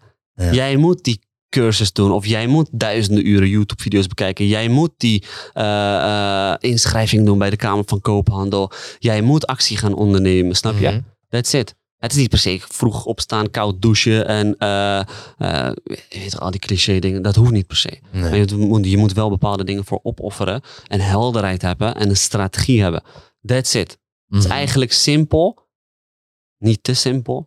Maar als je het zo algemeen bekijkt, het zijn gewoon simpele stappen. Ja. Negatieve woorden, zinnen verwijderen. eh, leiderschap tonen. That's it eigenlijk. Hé, maar Koen, je probeert er onderuit te komen. Hoeveel procent korting ga je voor de mensen regelen dan? Hij, hij kan goed Eh, onderhandelen, dus nu moet geen- jij onderhandelen. Hij zegt geen procent. Ehm, Oké, bedrag? Ja, ook goed. 200. Deal. Oké, Je hebt veel te, je hebt veel te ja, ik zeggen, je hebt veel te laag ingezet. Als je gelijk deal hebt, slechte deal gemaakt. Ja, ja, ja. Oké, oké, oké. Ik ben een Nederlander, man. Ik merk het al gelijk. Ik kan niet onderhandelen. Nee, is prima. 200 man, is, prima. goed. Nee, is maar goed. vooral, Kijk. weet je, kijk, we maken er nu een grapje van. Maar als mensen het gewoon willen leren en ze hebben echt serieus eh, de intentie om iets met hun geld te Ja, doen. man. Dan, eh, de, in onze Instagram staat in de link in de beschrijving op YouTube of op eh, Spotify in die show notes. Ja, dan kan je ze gewoon sturen even een DM met, eh, met de geldmachine. Luister, wij kennen René al lang. Jij Ja. werkt nu ook al een hele tijd met René. En we hebben gewoon gezien dat jullie echt tering veel mensen hiermee geholpen hebben. Ja. Ehm, heel veel mensen vonden bijvoorbeeld Thijs, Thijs dus ook financieel adviseur, heel interessant. Eh, ja, jullie doen dat ook. En dan op jullie eigen manier. Maar jullie helpen gewoon mensen om financieel vrij te worden. Dus, eh, en ik weet, Thijs zit heel lang vol, jongens. Dus als je hem wil knallen, Precies. Ja, is dit toch. ook een Kijk, mooie kans. Ik zeg altijd, eh, kwaliteit, eh, kwaliteit staat boven wat je moet leveren. Mensen willen persoonlijk, eh, persoonlijke aandacht. En Ja. ja. ja, ik vind gewoon dat wij dat het beste doen, man. En Ja. online en live, weet je. Wij huren gewoon duren van de Valk. eh, eh, daarom werken ook al die grote gasten met ons samen. Zoals Thijs van Mill Lions, Joop van Jos Held. Weet je, dan je hebt René, je hebt mij. Je hebt die ook eh, eigenaar van een uitzendbureau die, die miljoenen draait. Eh, het is Ja, gewoon man. een dikke netwerk, man. Ja, insane, man. Ik heb, ik heb nu ook bijvoorbeeld makelaars, adviseurs die, die ik help. Je zou denken van, hm, Perfect. waarom zou iemand die meer plannen dan jou heeft, komen cursus volgen? Nou, dan springen ze op een Zoom call. En denk je van, fuck man, deze jonge kerel die al eh, zoveel informatie biedt in een Zoom call. La, laat staan wat ik dan op, bij de cursusdag kan verwachten. Snap je? Mhm. That's it. En ik hoef niet iedereen. Als ik zie iemand toont geen leiderschap, die wil alleen maar de makkelijke weg kiezen, dan kan ik jou nu al vertellen, ze hoeven jullie niet eens lastig te vallen, lastig te vallen met eh, geldmachine DM'en. om een afspraak in te plannen. Dan hoeven ze dat niet te doen. Maar alleen voor de mensen die een mooie kwalitatieve leven willen leiden en ook bepaalde dingen willen opofferen. Zoals eh, drie keer per, eh, per maand minder uit eten gaan om dat te beleggen bijvoorbeeld in aandelenfondsen. Ja. Ik noem maar iets. Ik hou van goede mensen, man. Mensen die, hun, eh, mensen niet die alleen maar bezig zijn met snel, snel, snel, maar ook opofferingen willen doen. Want niet iedereen kan ook een sixpack krijgen. Anders was het ook niet iets boeiends, iets unieks, iets moois. Eens. hey, je moet trainen, grap. Lang, langzaam rijk. Ja, Wordt ja. langzaam rijk. Ja. Ja, nieuwe trend. Ja, maar je hebt zo'n YouTube kanaal die is zo langzaam rijk. Ja? Ja. Ja, man. Ook over beleggen en weet ik veel Dat is wel super interessant als je zegt langzaam rijk. Ja, man. Dan weet je al gelijk dat er een hele journey erin zit, toch? Ja, ja, ja. Ja, dat is mooi, man. Netjes. Hey, willen, we, eh, willen we nog wat delen? Wil jij nog wat delen? Ja, mijn hele gezicht is aan het instorten. Ik heb ontstoken, ontstoken eh, verstandskies, toch? Oh, Maar hij begint langzaam zo mijn hele gezicht eh, in te. Dus ik ben... Eh, je eh, hebt pilletjes nodig. ik wil aan de pillen. Ja, ja, ja. Nee, ik ben... eh, ik weet niks meer, man. Ik ben incapacitated. Nee, ik... Zo, ja, sowieso. Aniel, echt bedankt voor je tijd. sowieso. En je verhaal. Sowieso. Sowieso. Graag gedaan, man. Bedankt Ik voor denk de dat mensen het Je hebt me net eh, wel even erg opgelicht in, eh, met, hoe noemen we dat, house, eh, Househacking. house hacking. Ja, man. Interessant. Ik heb daar nog nooit... voor mij, eh, man. Dat is echt... ja, zo die, naar die, tip, kijken, die tip is goud waard. Ja, toch. Als Koen gaat met zijn privéaccount DM, DM eh, geldmachine naar lotgenoten. Zeker, zeker, zeker. Wordt die 200. Ja, man. Lekker, man. Maar eh, nee, dat is, voor, het nu, man. Ik Ja. ga ermee aan de slag. Vind het leuk. Top, man. Let's go. Aniel, bedankt, Dankjewel. kerel. Graag gedaan, maatje. En eh, voor de rest, vergeet niet te abonneren. En dan zeggen we altijd nog één ding vakgoeroes. Wij zijn lotgenoten. Dankjewel voor het kijken. En, en arrivederci. Uh, tjus.